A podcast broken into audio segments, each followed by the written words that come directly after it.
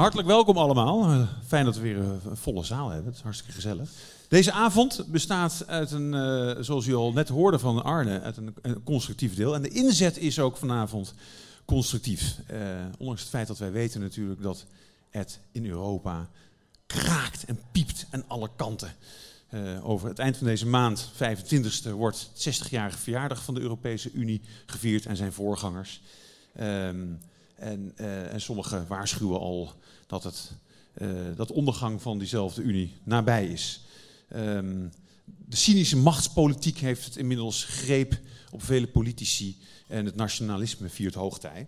Uh, al met al ontzettend veel zorgen eigenlijk over hoe het met Europa moet. Moet het minder? Moeten we er meer van hebben? Of moeten we een ander Europa? Dus wie wil meer EU? Om het dan toch maar even 1, 2, 3, 4, 5, 6, 7, 8, 9, 10. Ja. Uh, wie wil minder EU? Ietsje meer. Wie wil er een andere EU? Kijk, ja. ja daar, daar, daar gaan we het vanavond over hebben. Dat is mooi.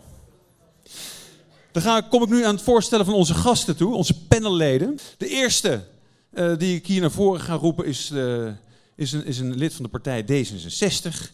Dat is Kees Verhoeven en als een echte eurofiel. En natuurlijk mag hij als eerste het applaus in ontvangst nemen. Uh, als tweede mag ik een warm applaus voor Hella Huuk.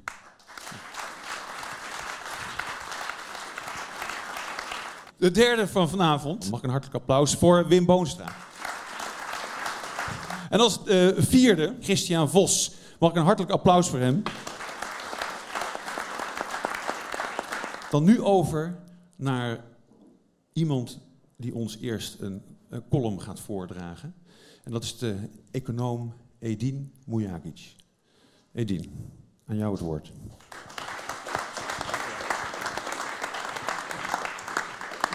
Goedenavond. Aan mij de schone taak om uh, deze avond te openen. En um, ga ik maar even snel doen, zodat ik heel snel uit de weg ben. En ik wil het met u uiteraard hebben over die EU. Um, en hoe dan? Nou, dames en heren, het is een gedrocht, de hele EU. Het kost ons geld.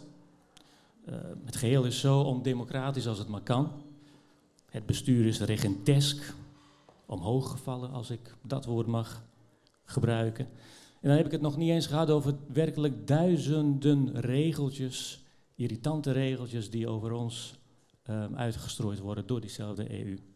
Dat is ongeveer het beeld dat, dat een heleboel mensen tegenwoordig hebben van de EU en steeds meer mensen hebben van de EU. En ik geef het meteen toe, voor een deel ben ik het met die mensen eens. Niet alles wat uit de EU komt is goed. En toch, toch vind ik het concept EU of Europa, als het vanavond toch mag, het concept namelijk samenwerken vind ik het meer dan vechten voor waard. Ondanks al die mitsen en maren. En zeker met betrekking tot deze avond, wat heel relevant is, het is zeer zeker een gesprek waard. Een, een aanhoudend gesprek waard. We moeten in mijn ogen niet concluderen dat we de EU maar moeten afschaffen, alleen omdat er soms of vaak uh, dingen gebeuren waarvan we denken, nou dat, dat, dat slaat nergens op wat, wat ze daar doen. Um, ik heb zo'n gevoel dat, dat er heel wat mensen in het noorden zijn met gas, die tegenwoordig ook het gevoel hebben wat men in Den Haag doet, slaat nergens op. Maar er is niemand in het noorden die zegt, laten we Nederland maar daarom afschaffen. Je hoeft het niet met alles eens te zijn. We moeten debatteren over de EU om de EU te behouden. Om Europa te behouden. Anders Aangepast, ja, heel graag, maar wel behouden. Want als dit project mislukt, dan zal niemand, en ik wil het woord niemand onderstrepen, het in de rest van deze eeuw nog aandurven om zoiets groots voor te stellen in Europa. Als het nu mislukt. En dat, is ons, dat zou ons heel veel waard moeten zijn. En dat het mislukken van de EU zou nog erger zijn um, dan heel veel mensen voor ogen hebben. De EU opgeven zou ons, om maar even wat te noemen, economisch zeer waarschijnlijk hard gaan raken.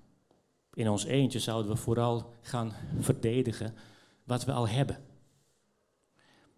In een wereld waarin de uitdagers om ons heen, de rest van de wereld, juist sterker worden, is het dan denk ik alleen maar wachten totdat het een keer misgaat, totdat wij niet meer in staat zijn te verdedigen wat wij hebben. En denk nou, AUB niet, maar we hebben zo'n enorme voorsprong op de rest van de wereld. Wij zijn zo rijk.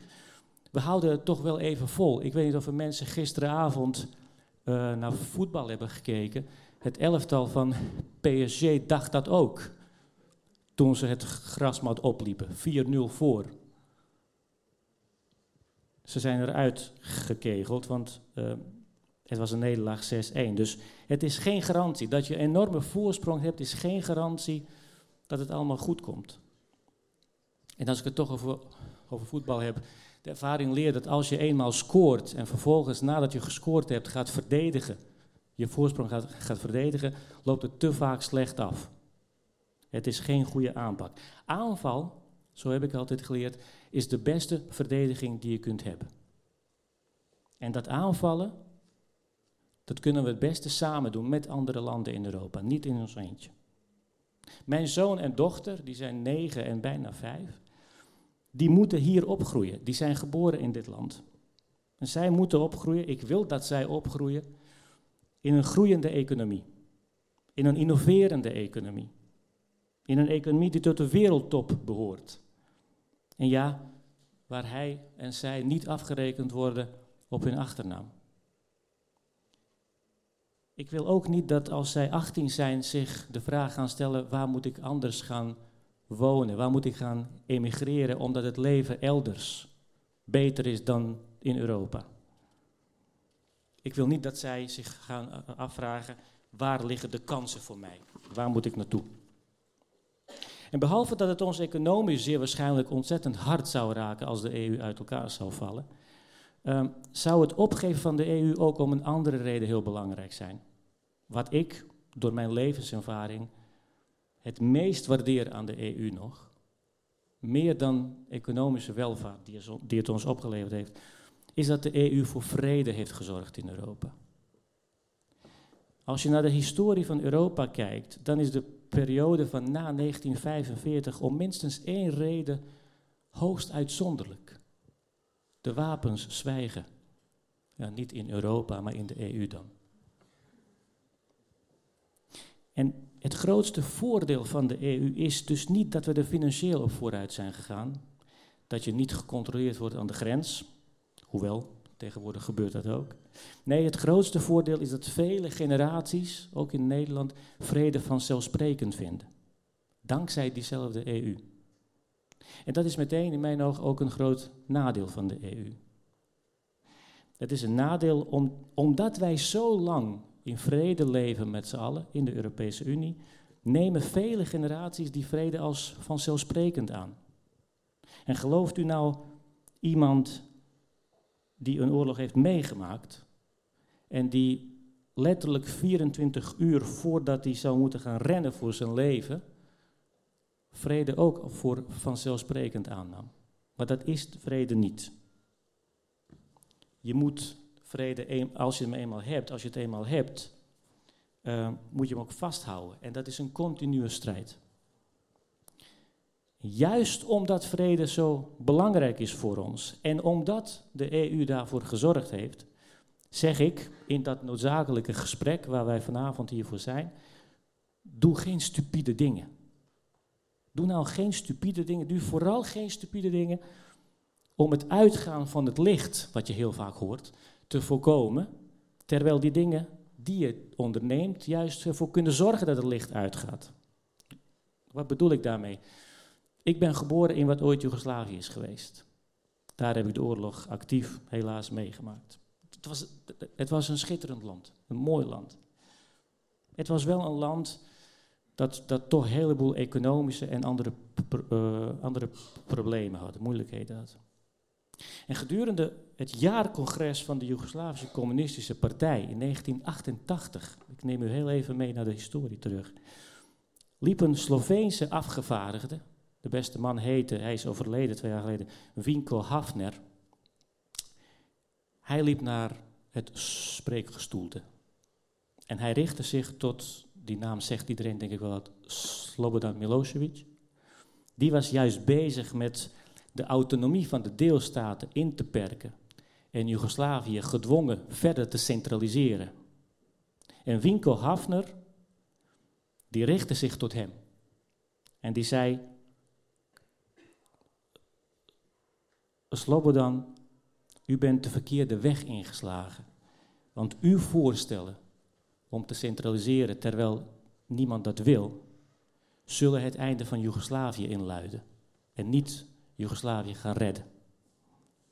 En dat is ook uitgekomen. Net als destijds in Joegoslavië is de oplossing voor de problemen waarmee de EU tegen, op, op dit moment te maken heeft, in mijn ogen niet verder centraliseren. Om te voorkomen dat het licht uitgaat. Nee, de oplossing is veel eerder erover hebben. En dingen die niet werken aanpakken. Uh, de EU hervormen, in andere woorden. Dat is een lastige opgave, geef ik meteen toe. Maar opgeven zou nog erger zijn. En niet alleen nog erger, opgeven zou ook laf zijn. En vandaar dat wij deze avond hebben om inderdaad niet op te geven, maar erover te hebben wat er aangepast moet worden om te blijven zorgen dat we in vrede blijven leven in Europa. Ik wens u een hele fijne avond toe en ik dank u voor uw aandacht.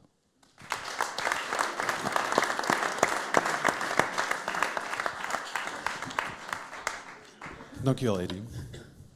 Ja, dat grijpt mij aan. Dat is iets, uh, je had het zelf meegemaakt. Uh, het uiteenvallen van een, uh, ja, van, een, van een unie, van een federale staat in dit geval. Dat is gruwelijk. Dus het is heel fijn dat Edien zijn eigen ervaring met ons wilde delen. Ehm, eerste reactie daarop uit de zaal. Even, even één iemand die, die zegt van nou, wat, wat ik nu gehoord heb. Heeft iemand daar iets op te zeggen? Het, het verhaal van Edien. Ja, meneer Lakenman een bekend gezicht. Twee voordelen van de Europese Unie. Namelijk dat je. Even, even op, op, op Edine reageren. Sorry? Op, op, op het voordracht van uh, Ja, ja, hij heeft dus gezegd, er, zijn twee voordelen van de Europese Unie. Ten eerste de vrede en ten tweede de economie die vooruit is gegaan. Maar uh, hij, illustreert het op geen enkele wijze. Maar bovendien steunt hij uh, vredesargument op een onjuiste interpretatie die jij overigens in je openingswoord ternauwernood rechtzetten, namelijk wat hij dus niet rechtzette, de Europese Economische Gemeenschap en de Europese Unie worden eigenlijk vereenzelvigd. De Europese Unie is in 1993 opgericht en in 19, niet in 1945. Dank, dank, dank u wel. De vredestijd die, uh, heeft dus on, zonder Europese Unie 49 jaar geduurd, of 48 jaar, en met de Europese Unie de helft. Dus het, er is geen enkel argument aanwezig wat, wat naar voren is gebracht, althans. Nou, dank u wel. Het is mij betreft wat meer een... een, een, een, nou ja, ik ga het er verder niet over hebben trouwens. Mag ik voor jullie een eerste reactie? Hella, jij lacht het meest hartelijk. Uh, wat, wat, wat dacht je toen je het verhaal van Edin hoorde? Nou, ik, ik dacht aan. Um, ik, ik, maak nu voor WNL een documentaire serie. En daar hebben wij deze week een verhaal gemaakt over waarom de ouderen zo rijk zijn en, toch een beetje narrig en ontevreden zijn. En daar heb ik vier dagen met allemaal 65-plussers gesproken in Spijkenisse en in, in, in Bergen. En die, die, die droegen dus heel erg dit soort dingen naar voren. Uh, want we denken dan allemaal dat ze dan narrig zijn over niet geïndexeerd zijn. Maar het is veel groter dan dat. Dat zijn mensen die echt nog wel uh, zijn opgegroeid, nog, ja, nog net in de oorlog of daarna de, de, opbouw hebben van Nederland hebben meegemaakt. En dat was echt een hele andere tijd. En dat zit nog in hun geheugen. En uh, daarom ben ik ontzettend blij met je, met je inleiding, omdat ik denk dat dit soort verhalen wel eh, bijdragen aan ook het gesprek vanuit elk land weer op zich. En elk land heeft zijn geschiedenis aan hoe het verder moet. En, en soms denk ik ook wel, we hebben het altijd over Europa en we gaan op vakantie naar Frankrijk en we zijn ook wel eens naar Budapest geweest en weet ik wat. Maar volgens mij kennen we elkaar heel slecht qua geschiedenis, qua cultuur, waar we vandaan komen en wat we verwachten van, van elkaar.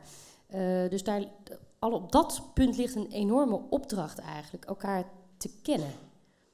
En elkaar de hand te reiken wellicht.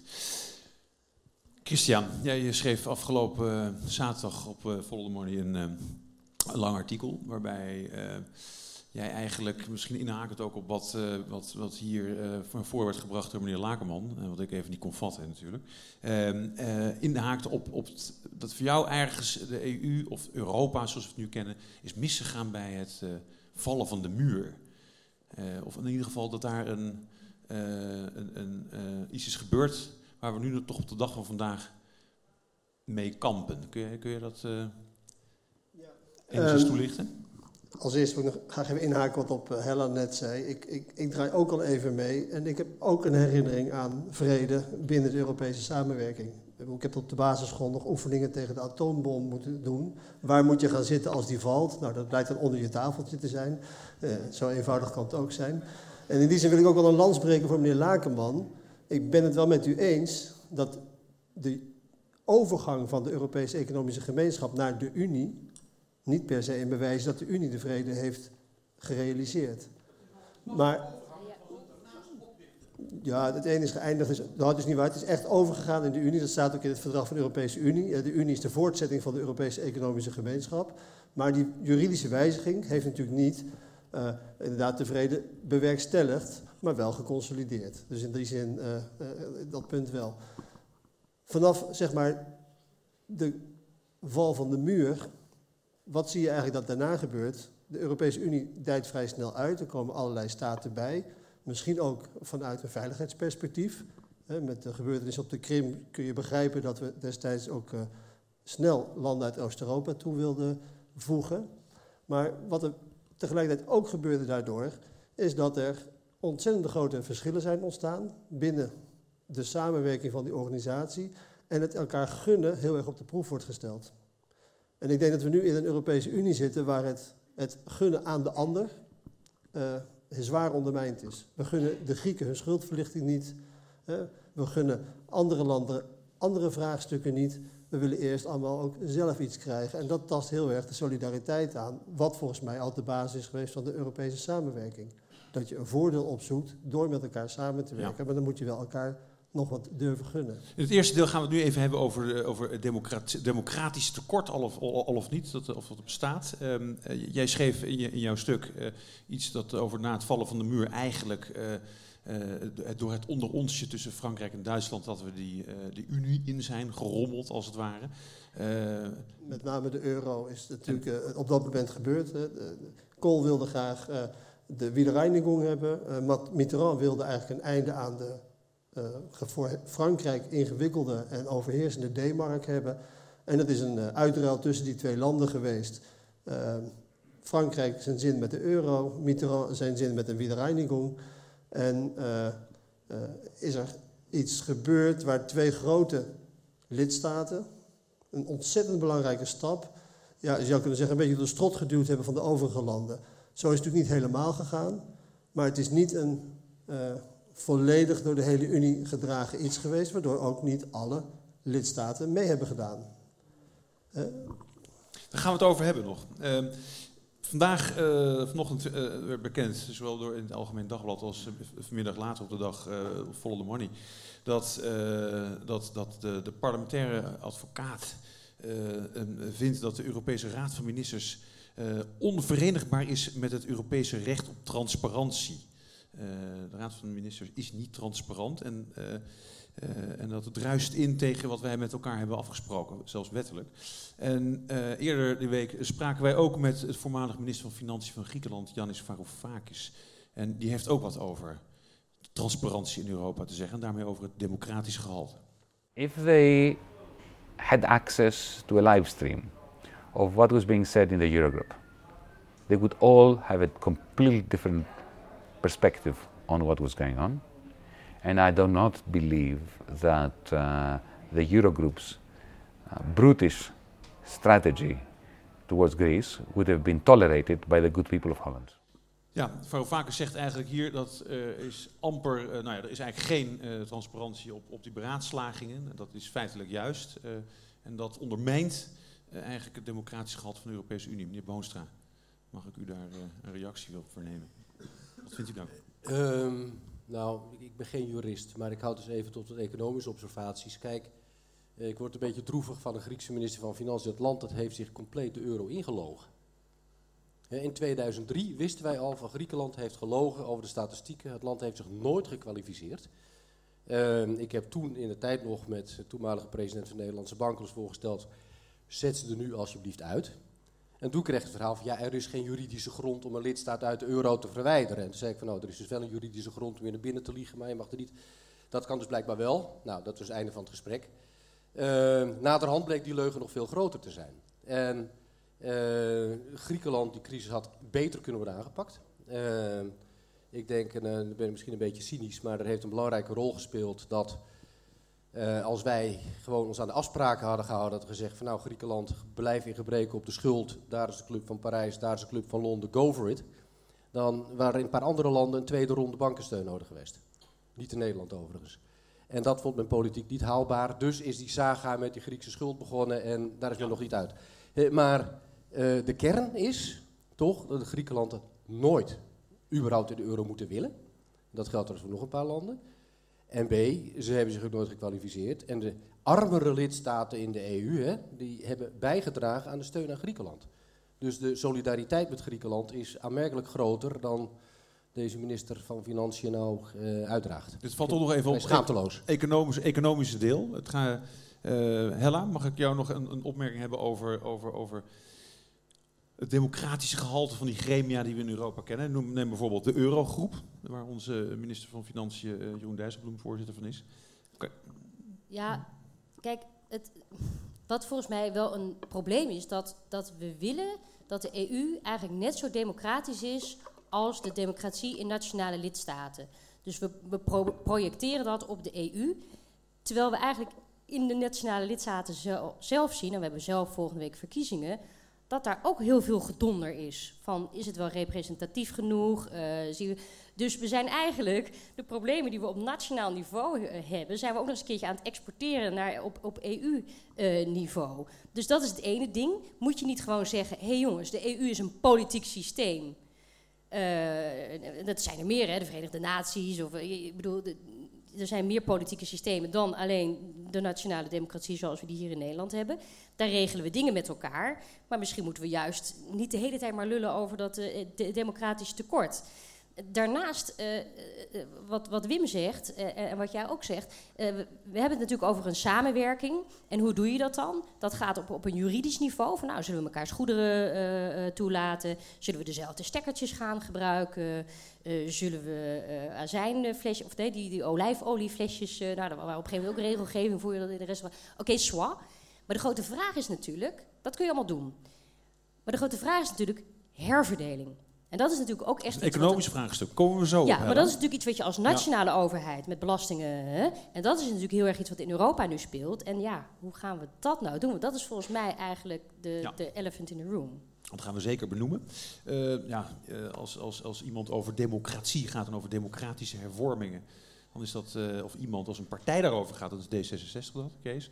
Eh, je hoorde net Varoufakis. eh en, ik begrijp dat Boonstra zegt, eh, die man moet zijn mond houden, want zijn land heeft zich, de, de Unie heeft ingelogen. Nou is Varoufakis niet Griekenland en heeft hij wel degelijk in mijn ogen een, een, een valide argument. Wat vind jij daarvan? Ehm, ik, ik vind dat we op dit moment in de, in de Europese samenwerkingsstructuur hebben we een mengvorm, een tussenvorm, een hybride vorm. En daardoor is er een democratisch tekort. Ehm, je kunt aan de ene kant zeggen, stel, en dat wordt ons vaak in de, in de mond gelegd, jullie zijn eurofielen, jullie zijn federalisten. Eh er wordt altijd gedaan alsof dat heel eng is. Eh, terwijl dat eigenlijk zegt, van, nou, dan maak je van het hele eh eurozonegebied of van de hele Europese Unie, maak je eigenlijk een politiek systeem met een Europees parlement wat echt de democratische controle af kan dwingen, wat de Europese Commissie kan terugfluiten. Maar we hebben nu nog die, die, die andere vorm erbij, die Europese Raad van Ministers, die eigenlijk alle besluiten neemt in Europa. En dat willen we zelf. Dat willen heel veel regeringen, dat willen heel veel politieke partijen. Want ze vinden het eng om het helemaal bepaalde zaken op Europees besluitvormingsniveau te leggen. Wat begrijpelijk is, kunnen we het zo nog over hebben. Maar zou transparantie dan niet al meteen helpen? Ja, maar je kunt wel. Transparantie is natuurlijk altijd goed. Maar er moet ook iemand zijn die transparantie afdwingt. En dat zou in mijn ogen altijd het parlement moeten zijn. In Nederland is het zo dat het parlement de regering dwingt om stukken te openbaren. Het kan ook overigens de media zijn, die via een WOP-verzoek stukken openbaart. In Europa heb je geen centrale Europese media die dat doen. Dat zijn allemaal media van landen die een correspondent naartoe sturen. En je hebt ook geen echt sterk parlement wat uh, dingen kan afdwingen. Dus je kunt wel zeggen transparantie, maar wie dwingt hem af? En er is nu geen krachtig, uh, krachtig parlement die dat af kan dwingen. Sterker dus, nog, die raad van ministers die kunnen eigenlijk alleen maar zelf zeggen dat die, die transparantie afgenomen Ze worden gecontroleerd door de nationale parlementen. De ministers zitten daar natuurlijk met een standpunt namens hun land, wat per land verschillend weer wordt gecontroleerd door de Kamer in dat land. En deze zin geeft al aan, deze lengte van deze zin geeft al aan hoe ingewikkeld het geregeld is. En daar zit denk ik het probleem. Dus als we de tussenvorm houden die we nu hebben, waar de meeste partijen in Nederland in ieder geval voor zijn, dan moeten we ook accepteren dat je geen perfecte transparantie en democratie kan krijgen. Accepteer dat dan. En als je het niet accepteert, ga dan een stap verder. En dan kom je misschien wat meer richting het standpunt van D66. Ik ben het helemaal niet mee eens. Ja, dat kan wel zijn, maar ik ben nog aan het observeren en jij bent het er al gelijk niet meer mee eens. Dus het is een beetje lastig voor het debat. Nou, Hella, jij ziet het anders. Licht dat even toe, hoe jij dat dan ziet. Ja, ten, ten eerste ga ik nu iets radicaals zeggen, zeker als je journalist bent. Maar het, het is niet zo dat transparantie altijd goed is. Als jij een Turkije-deal aan het sluiten bent, wat, wat echt onder hoge druk, er is echt crisissfeer, of, of wat we hebben meegemaakt met de eurocrisis, dan moet je met elkaar om de tafel van jongens, hoe gaan we dit doen? En dan moet je elkaar kunnen vertrouwen en dan moet je ergens ook even kunnen weten dat niet meteen iedereen bij elke inzet zit mee te kijken. Jij gaat ook niet op Funda als je juist koop zet. Oh, by the way, ik lig in scheiding, dus uh, ja, het kan wel een tonnetje lager. Het is niet per se dat transparantie altijd goed is. Maar je moet natuurlijk wel verantwoording afleggen. En dan zou ik zeggen, vooral aan jouw nationale eh, parlement. Dus op het moment dat je het, het, het Europarlement heel erg gaat upgraden en zegt van ja, die, die, die, ministers die moeten maar een tandje lager zingen, ga je het allemaal op een nog hoger niveau uh, tillen, wat nog afstandelijker moet. Ik denk juist, laat die, uh, laat die regeringsleiders lekker in zo'n achterkamertje, heb ik echt helemaal geen problemen mee, een deal maken. Want het is allemaal behoorlijk complex wat er moet gebeuren. Maar til het juist weer terug naar het nationale parlement. Ja, prima, als je dat wil. Uh, maar dan moet je accepteren dat je minder democratie hebt en meer daadkracht. Daar pleit je dan voor. Ik, ik, vind, ik vind het prima als je dat wil, maar dan heb je geen democratie. Nee, maar dat is een enorme versimpeling. Democratie is niet alleen maar een gekozen poppetje. Ik denk ook dat dat altijd het zwaktebod van D66 is. Weet je wat, we gaan de burgemeester kiezen, dat is dan meteen wat, democratie. Sorry, nee, maar wacht even. Wat ik ga is dan wel democratie? Want als we alleen maar gaan zeggen wat het democratie, niet is, democratie, is Dan wil ik weten nee, democratie, betekent bijvoorbeeld dat je luistert naar argumenten. Dat je met elkaar het gesprek aangaat. Dat je er de tijd voor neemt om te kijken waar gemeenschappelijke gronden liggen. Dat je goed de tijd neemt om te kijken wat misschien een goede oplossing is voor de problemen die geanalyseerd zijn. Dat is veel meer een procedureel iets dan dat je dat doet per dat se... is geen democratie, dat is jawel, samenwerking. Nee, dat is, dat is het democratisch proces, is dat je bereid bent om met elkaar de problemen die je hebt aan te pakken en daarover het gesprek aan te gaan. Dat kun je door gekozen mensen laten doen, dat kun je ook door benoemde mensen laten doen. Als die maar rekening en verantwoording afleggen. Even heel scherp, Christian. Nee, maar wacht even. Op het moment dat je, wat jullie voorstellen, jullie stellen voor een senaat boven de Europese Commissie, een gekozen commissie door het uh, Europees Parlement op basis van coalitievorming en een Europees Parlement wat rechtstreeks de Europese kieslijsten gekozen mag worden. Hoe moet zo'n dubbel mandaat zich verhouden tot dan het mandaat van het nationale parlement? Je krijgt 28 mandaatjes in de landen, 27 straks, en een soort supermandaat in Europa. Hoe wie heeft er dan uiteindelijk voor te zeggen? Een gekozen commissievoorzitter willen jullie. Hoe verhoudt die gekozen commissievoorzitter, wat een gekozen figuur is, net zoals president Trump, net zoals president Poetin, net zoals president Erdogan, hoe verhoudt die zich tot nationaal gekozen vertegenwoordigers? Je, je, je gaat nu gelijk naar een structuurdiscussie. Het enige wat ik net deed, Nee, dat ging ik niet. Wacht even, wacht even. Ik wacht even. Nee, nee, nee, nee, nee, nee, nee, plek van je wilde net dat jij mocht uitpraten, dan moet je ook de ander even laten uitpraten. Dat is ook democratie. En mag ik er daar even doorheen? Dan mag jij er zeker even tussendoor. Dit wordt, over, dit wordt overigens een interessante uh, avond, denk ik. Uh, ik. Ik heb zo het gevoel dat ik allemaal standpunten moet gaan verdedigen die niet de mijne zijn, maar ik ga er toch mijn best voor doen. Um, ik denk dat we nu met een mengvorm zijn. Dat heb ik, dat heb ik geconstateerd. Ik heb nog niet eens gezegd dat ik een andere vorm wilde. In ons programma staat wel een, een, een stip op de horizon. Maar die mengvorm die we nu hebben is ik, er. Ik lees net voor uit jullie programma, dat herken je toch, hè? letterlijk. Nou, de stappen die ik net noemde, Senaat, gekozen commissievoorzitter, is het programma D66. Jij, jij, gaat gelijk over een structuurdiscussie. Ik zeg, jij zegt dat democratie ook kan bestaan uit benoemde mensen. Nou, dat is per definitie al niet zo. Democratie kan alleen bestaan door gekozen mensen. Als je niet de mensen kiest, is het geen democratie, dan is het een samenwerkingsverband. En dat kan in sommige gevallen heel goed werken. Ik denk dat in Europa de keuze is, willen we een deel samenwerkingsverband hebben? Dat zijn die 28 lidstaten die in die achterkamertjes van Hella gaan zitten en tot een deal komen. Dan komt er iets uit, dat is prima, maar dat is democratisch niet goed te controleren, omdat er namelijk niemand bij zit die daar echt over gaat. Dan zegt Democraten 66, als je meer democratie wil, dan moet je het Europese parlement een sterke positie geven. Dan moet je bepaalde besluiten door de commissie laten uitvoeren. En dan moet je zorgen dat je dingen op een Europees niveau durft te regelen. Ja, dat is nu niet het geval. En nu zitten we met die mengvorm. Wij vinden die mengvorm niet per se helemaal verkeerd. Alleen hij is niet 100% democratisch en hij is ook niet 100% daadkrachtig. Meneer Boos, Dat wat, het wat even, want we hebben het hier nog steeds over de diagnose. Hè? Wat is er mis op dit moment? Hier wordt natuurlijk al een beetje de overlap gemaakt met naar de oplossing toe. Dat is een manier. Daar Nou, komen we later op terug. eh, Meneer eh, Boos, eh, ik zou het fijn vinden als u dan toch even de, de Ja, vinger op de zere plek legt. e- e- Even, even, even drie observaties. Kijk, ten eerste moet je eerst heel goed definiëren. Gewoon, wat is nou relevant om op Europees niveau over te beslissen? Wat kun je beter op nationaal niveau doen? Wat kun je misschien op best op regionaal niveau doen? Hè, voor veel mensen in Nederland is Den Haag al te ver weg en Brussel ligt op een andere planeet. En op het moment dat je daar niet helder over bent, is dit een vrij theoretische discussie, maar daar kan ik er niet zoveel mee. Ehm, ten tweede, eh moeten politici eens een keer een eerlijk verhaal over Europa vertellen. En nu kijk ik niet naar jou, want D66 doet dat over het algemeen wel. Maar over het algemeen is het zo dat impopulaire maatregelen, dat moet van Brussel. En alles wat populair is, dat is eigen briljant inzicht. Het is gewoon een ideale zondebok voor impopulair beleid.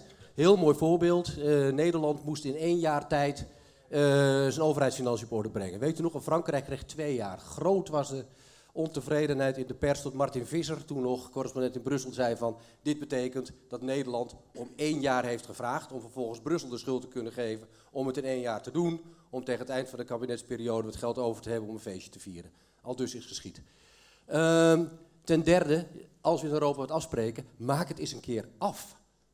We zitten met een bankenunie, hè, dat komt er, eh, hij is niet af. Het is een halfway house, dat functioneert niet. We hebben Schengen, vrij verkeer, maar als je vrij verkeer binnen hebt, moet je de buitengrenzen bewaken. Is nooit goed geregeld, met alle gevolgen van dien. De euro, hij is niet af. En zo zijn er tal van voorbeelden. We spreken dingen af op Europees niveau. En de lidstaten overigens, en dat kunnen ze niet aan de Europese Commissie verwijten, de lidstaten vertikken het om te doen. Een land als Frankrijk loopt decennia achter in economische hervormingen.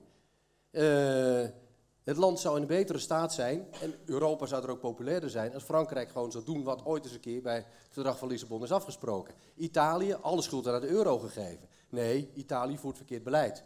Zou Italië uit de euro zijn, dan hebben ze exact dezelfde problemen. Hè, dus wees eens een keer eerlijk, vertel een goed verhaal en eh, definieer wat je op welk niveau moet besluiten. Dat, Sorry, Hella Ja. eerst even. Nou ja, wat er dan ook nog wel mist, en dat is misschien ook waarom dingen dan ineens niet verder gaan, is dat, kijk, in een nationale democratie kun je dingen weer intrekken. Dus we hebben bijvoorbeeld gezien met de hele flexwet, wet DBA, dat er wordt één groot chaos. Oké, dan, eh, dan moet die toch maar weer ingetrokken worden. Op Europees niveau, als je kijkt naar handelsverdragen, die, die, die worden voor zo'n lange termijn afgesloten. Zoveel dingen komen in het radertje waar je er niet meer uit kan. Jij noemde net al een heel mooi voorbeeld. Dat die burger daar natuurlijk ook geen vertrouwen in heeft. Het is zo'n Hotel Californië geworden. You can never leave. En dat is ook wel onderdeel van een democratie, hè? dat je als burger kan corrigeren. Van, oh, nou, we vonden eigenlijk eerst dit. Nou, nu, we- nu we dit hebben, eh, vier jaar later. eh, Brexit. Nee, eh, eh, ja, nou ja. eh, van democratie. Ja, het is een voorbeeld van democratie. Ehm, dus als je in een euro zit, is het nog lastig. Dat kan wel. Christian. Ehm, maar op Europees niveau niet, hè? Eens? Hè? Dus op Europe- Europees niveau wordt daar nooit over gesproken om, om dingen weer in te kunnen trekken als ze niet werken. Exit scenario's Elk bedrijf experimenteert en leert en corrigeert. Ja, nou goed, eh, ik, ik, ik vind ook dat er een democratisch tekort schuilt in Europa. Alleen ik denk dat het ergens anders ligt. En eh, de oplossing dus niet in dat stemmen eh, eh, ligt, zeg maar. Precies wat, wat de heer Boonstra zegt. Er worden dingen bedacht, of ze worden zelfs afgesproken, maar ze worden niet uitgevoerd. Bijvoorbeeld. Het hele wensenlijstje van D66 staat eigenlijk nu al in het verdrag op Europese Unie. Streven naar gemeenschappelijke welvaart, gemeenschappelijke defensie, toen naar een geleidelijk gezamenlijke defensie in Europa. Zeg maar, al die, al die eh, wensen die staan allemaal in het verdrag als doelstellingen van de Europese Unie. Alleen, ze komen er niet. Waarom niet? Omdat die 28, 27 lidstaten het daar steeds niet over eens worden. Moet dan een gekozen parlement, wat met Europese meerderheden over Europese minderheden gaat regeren, en die kunnen wisselend van aard zijn, dan die nationale regeringen gewoon voorbij duwen. Van het kan wel zijn dat jullie geen gezamenlijke defensie willen, maar wij gaan het gewoon toch doen. Want we hebben, wij zijn gekozen, wij hebben dat gedaan. Dus schaf je leger maar af, we gaan het doen. Je dwingt uh, overheden die dus inderdaad niet doen wat afgesproken is, zul je vanuit een Europees parlement of een commissie ook niet kunnen dwingen dat ze het wel doen. Eens. In de huidige, in de huidige structuursituatie heb je gelijk, zijn de 28 lidstaten te sterk om dat op die manier te regelen. Ben ik met je eens. Dat is in, in sommige zaken teleurstellend. Ik denk dat wat de heer Boonstra zei heel belangrijk is om deze discussie concreet te maken. Eh, je kunt gelijk de structuurdiscussie op het algemene niveau. D66 is eurofiel en wil een, uh, wil een Europees parlement en een Europese minister. Allemaal leuk. Wij willen op een aantal kerntaken inderdaad precies wat jij zegt. Op een aantal taken waarvan wij denken die zijn grensoverschrijdend. Uh, die kun je als nationale lidstaat niet oplossen. Daar zou je echt die Europese uh, soevereiniteit, of die, die, nationale soevereiniteit, moeten inruilen door een Europees besluitvormingsmogelijkheid. Ja, jullie noemen dat, dat schijnsoevereiniteit hè, in je programma. Nou ja, als je, uh, als je ziet dat een iedereen mooi zegt... woord ten opzichte van het nepparlement van Wilders Ja. overigens, dat je Ja. dan net over schijnsoevereiniteit. Dankjewel eh voor dat compliment. Ehm, dat is je eerste compliment vanavond, dus ik ben daar gewoon blij mee. Ehm, op het gebied van buitengrenzen. Op het gebied van terrorisme aanpak. Op het gebied van klimaat- en energie-inkoop. Afhankelijkheid van, van de Russen of, of Arabische staatjes. Kun je in onze ogen beter zeggen, laat Europa nou nou een besluit overnemen. Dat betekent dat je niet meer als 28 lidstaten dat via Euro- Europese eh, Raad van Ministers doet. Ondemocratisch, met heel veel gedoe, eh, duurt lang, achterkamertjes, niet controleren, gaat langzaam. En dan zeggen we, laat het dan naar een Europees niveau gaan. Wij willen dat. Als een minderheid, wij zijn daar een minderheid in, dus gebeurt het nu niet. Maar wij zeggen, dat zou een manier zijn om in ieder geval een aantal grote onderwerpen op een Europees niveau democratischer te maken. Alleen, ja, de, daar zijn we de ongeveer enige partij in Nederland die dat wil. Maar dus dat- ja, dan, dan, maar we zijn daar, dank ook voor de heer Boonstra die dat ook nog even benoemde, wij zijn de enigen die dat durven te zeggen. Wij zijn de enigen die durven te zeggen, Ja. laat dat nou op Europees niveau gebeuren. Maar, maar wat ik nou heel erg mis in de hele discussie... Niet maar je moet het niet bij alles doen, alleen Nee, bij een aantal thema's. Nee, precies. Maar nu, nu komen we op een heel belangrijk punt. Ja. Want Dankzij mijn die- interventie. Nee, maar precies. Nee, Ja. ik, Nee, eh, Kees, top. Nee, dat werd een beetje hoekig net. Ik denk, ik, ik, ik, Nog één keer dan gaat hij lekker uit. nog één keer, ik geef het woord aan Wim. Nee, Ik- nee, ik- ik- constructieve sfeer dit is- Dit is heel fundamenteel. Europa, verbinden. Europa verbinden. is, is zeg maar, niet een verzameling van instrumentele onderwerpjes. Van laten we dit op de agenda zetten of dat op de agenda zetten of dat. Eh, Het is niet alleen maar een soort samenwerking van, nou, laten we eens kijken waar we vandaag over kunnen praten, dat gaan we doen. Nee, wij hebben een Europa wat gestoeld is op de vier fundamentele vrijheden. Hè, vrij verkeer van personen, goederen, kapitaal en diensten. En dat is de basis van het belangrijkste doel van de Europese Unie. Dat is het creëren van een interne markt. Hè, we kunnen fijn allemaal reizen, maar dat heeft enorm veel consequenties. Dat heeft bijvoorbeeld de consequentie dat huisartsen zich in Nederland niet kunnen verenigen tegenover machtige zorgverzekeraars. Want dat wordt op grond van de kartelwetgeving van Europa, gebaseerd op die vier fundamentele vrijheden, niet toegestaan. Het is onmogelijk dat we dat in de Nederlandse situatie anders zouden willen invullen. Bijvoorbeeld belastingontwijking staat hoog op de agenda. Nederland wordt verweten kantoren op de Zuidas in stand te laten, brievenbusmaatschappijen. Maar daar kunnen we niet zoveel tegen doen, zolang het Europees Hof van Justitie dat nog steeds sanctioneert, want die zegt elk bedrijf heeft een recht op vrije vestiging, tenzij het wholly artificial is, volledig kunstmatig. En dat voert direct terug op de vier fundamentele vrijheden van de Europese Unie. Nederland kan niets uitrichten tegen de brievenbusmaatschappij op de Zuidas, zolang niet die discussie rondom dat marktfetischisme of het marktcentralisme in Europa, die vier fundamentele vrijheden, er niet uitgetild wordt. Want daar is het een democratisch tekort. Alles wordt ten dienste van het denken in termen van markt en financiën gelegd. Dat is een prachtige brug naar het, eh, het economische deel van, eh, het, de, van de diagnose.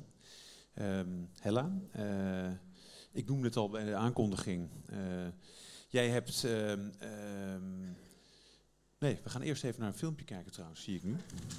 Mag ik die even van techniek hebben? People in Germany and in the Netherlands are deep down very proud of the fact that you have a major trade surplus. This country has a, a world rec- record trade, trade surplus. But think about it again. Is this a good thing to have? Because uh, yeah, your trade surplus, is somebody else's deficit. Now, when you accumulate all these surpluses, uh, what do you do with them? you are forced by nature, by the economy, to lend them to those who have deficits. In other words, your savings are entrusted in, in, into people who are debtors and whose, whose debt is unsustainable. So your savings are unsustainable. That's why you don't sleep at night. You have to explain to people that, you know, no man is an island or no woman is an island. We're all in this together. So this is not a question of solidarity with the poor Greeks or Spaniards or Portuguese. It's a question of rationality.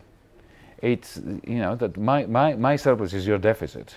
And if you can't sustain your deficit, uh, and if I force you to cut it through cutting on the things that add to your income, then, austerity in other words, then I'm destroying my future and my kids' future. You mentioned the, the word solidarity to a Dutch person, and they think, oh, they want my money again. Uh, no, we don't want your money. What we want is for your money to be sustainable and for your, your life to, to, to, to be good. And it can be good when you have a huge surplus, whi- which you invest in, in, in, into unsustainable deficits and debts of other parts of Europe. And, there, and then the result of that is that you start hating them and they hate you and everybody hates each other. And then the nationalists rise up and they say, let's dis- dissolve Europe. Dat is in het kort. eh, hè? Dit, kort, in het, dit was het tekort, in het tekort. Hella, jij schreef, eh, wat ik al eerder vernoemde, dus inderdaad eh, vorig jaar eh, samen met Robert Wendt, econoom, ehm, eh, een, een, een, een, groot stuk over het plan B wat nodig is voor Europa. Waar jij een aantal van, dit, van deze, wat, wat hier Varoufakis ook noemt, aan de orde laat komen. Een belangrijk onderdeel van jouw analyse was ook het construct van de euro, onze munteenheid. Ehm, wat is er volgens jou mis economisch in, in, in, in de Europese Unie? Nou, ik, ik ben wel een aanhanger van Martin Sandbu. Dat is een eh, eh, columnist voor de Financial Times. Die eh, een heel mooi boek geschreven heeft. de wees van Europa, de euro.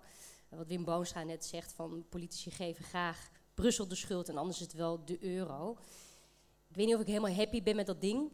Maar de euro van alles de schuld geven is denk ik niet correct. En wat Martin Sandbu in zijn boek schrijft... en wat wij dus ook in ons stuk halen... samen met Robert Wendt heb ik dat geschreven... van de Wetenschappelijke Raad voor het Regeringsbeleid ehm, is, is dat politici eh, echt ander beleid hadden kunnen voeren. Wat, wat Varoufakis hier aanhaalt, is, is dat eh, Duitsland eh, grote overschottingen heeft op de handelsbalans. Nederland heeft dat ook. En daar hebben we ook afspraken over gemaakt in Europa. Omdat inderdaad, ehm, als wij onze lonen heel erg laag houden en onze export gaat heel erg omhoog, dan ben je natuurlijk ontzettend aan het concurreren met die zuidelijke landen. Terwijl als hier de lonen een beetje hoger zouden zijn, dan zouden zij ook hun auto's verkopen, beter kunnen verkopen, zeg maar. En nog een fatsoenlijk loon hebben ook. Dus daar hebben we over, daar hebben we over geschreven. En ik, ik weet nog heel goed toen ik als verslaggever in Brussel was. En ik heb heel veel van die achterkamertjes eh, meegemaakt. En ik ging dan altijd weer even bij de Spanjaarden en de Italianen zitten. Want het, was allemaal, het is ontzettend nationaal georganiseerd. Om te kijken van hoe gaat het dan bij jullie. Ehm, maar, maar toen dat begrotingspact werd getekend, dacht ik wel, shit hé. Is dit, is dit echt wel. Het is, het is een, een Noord-Europees Duits denken dat je niet te veel, want wat, ja, het mag dan 3%, dat hebben we afgesproken, maar zoek maar uit de grote duim.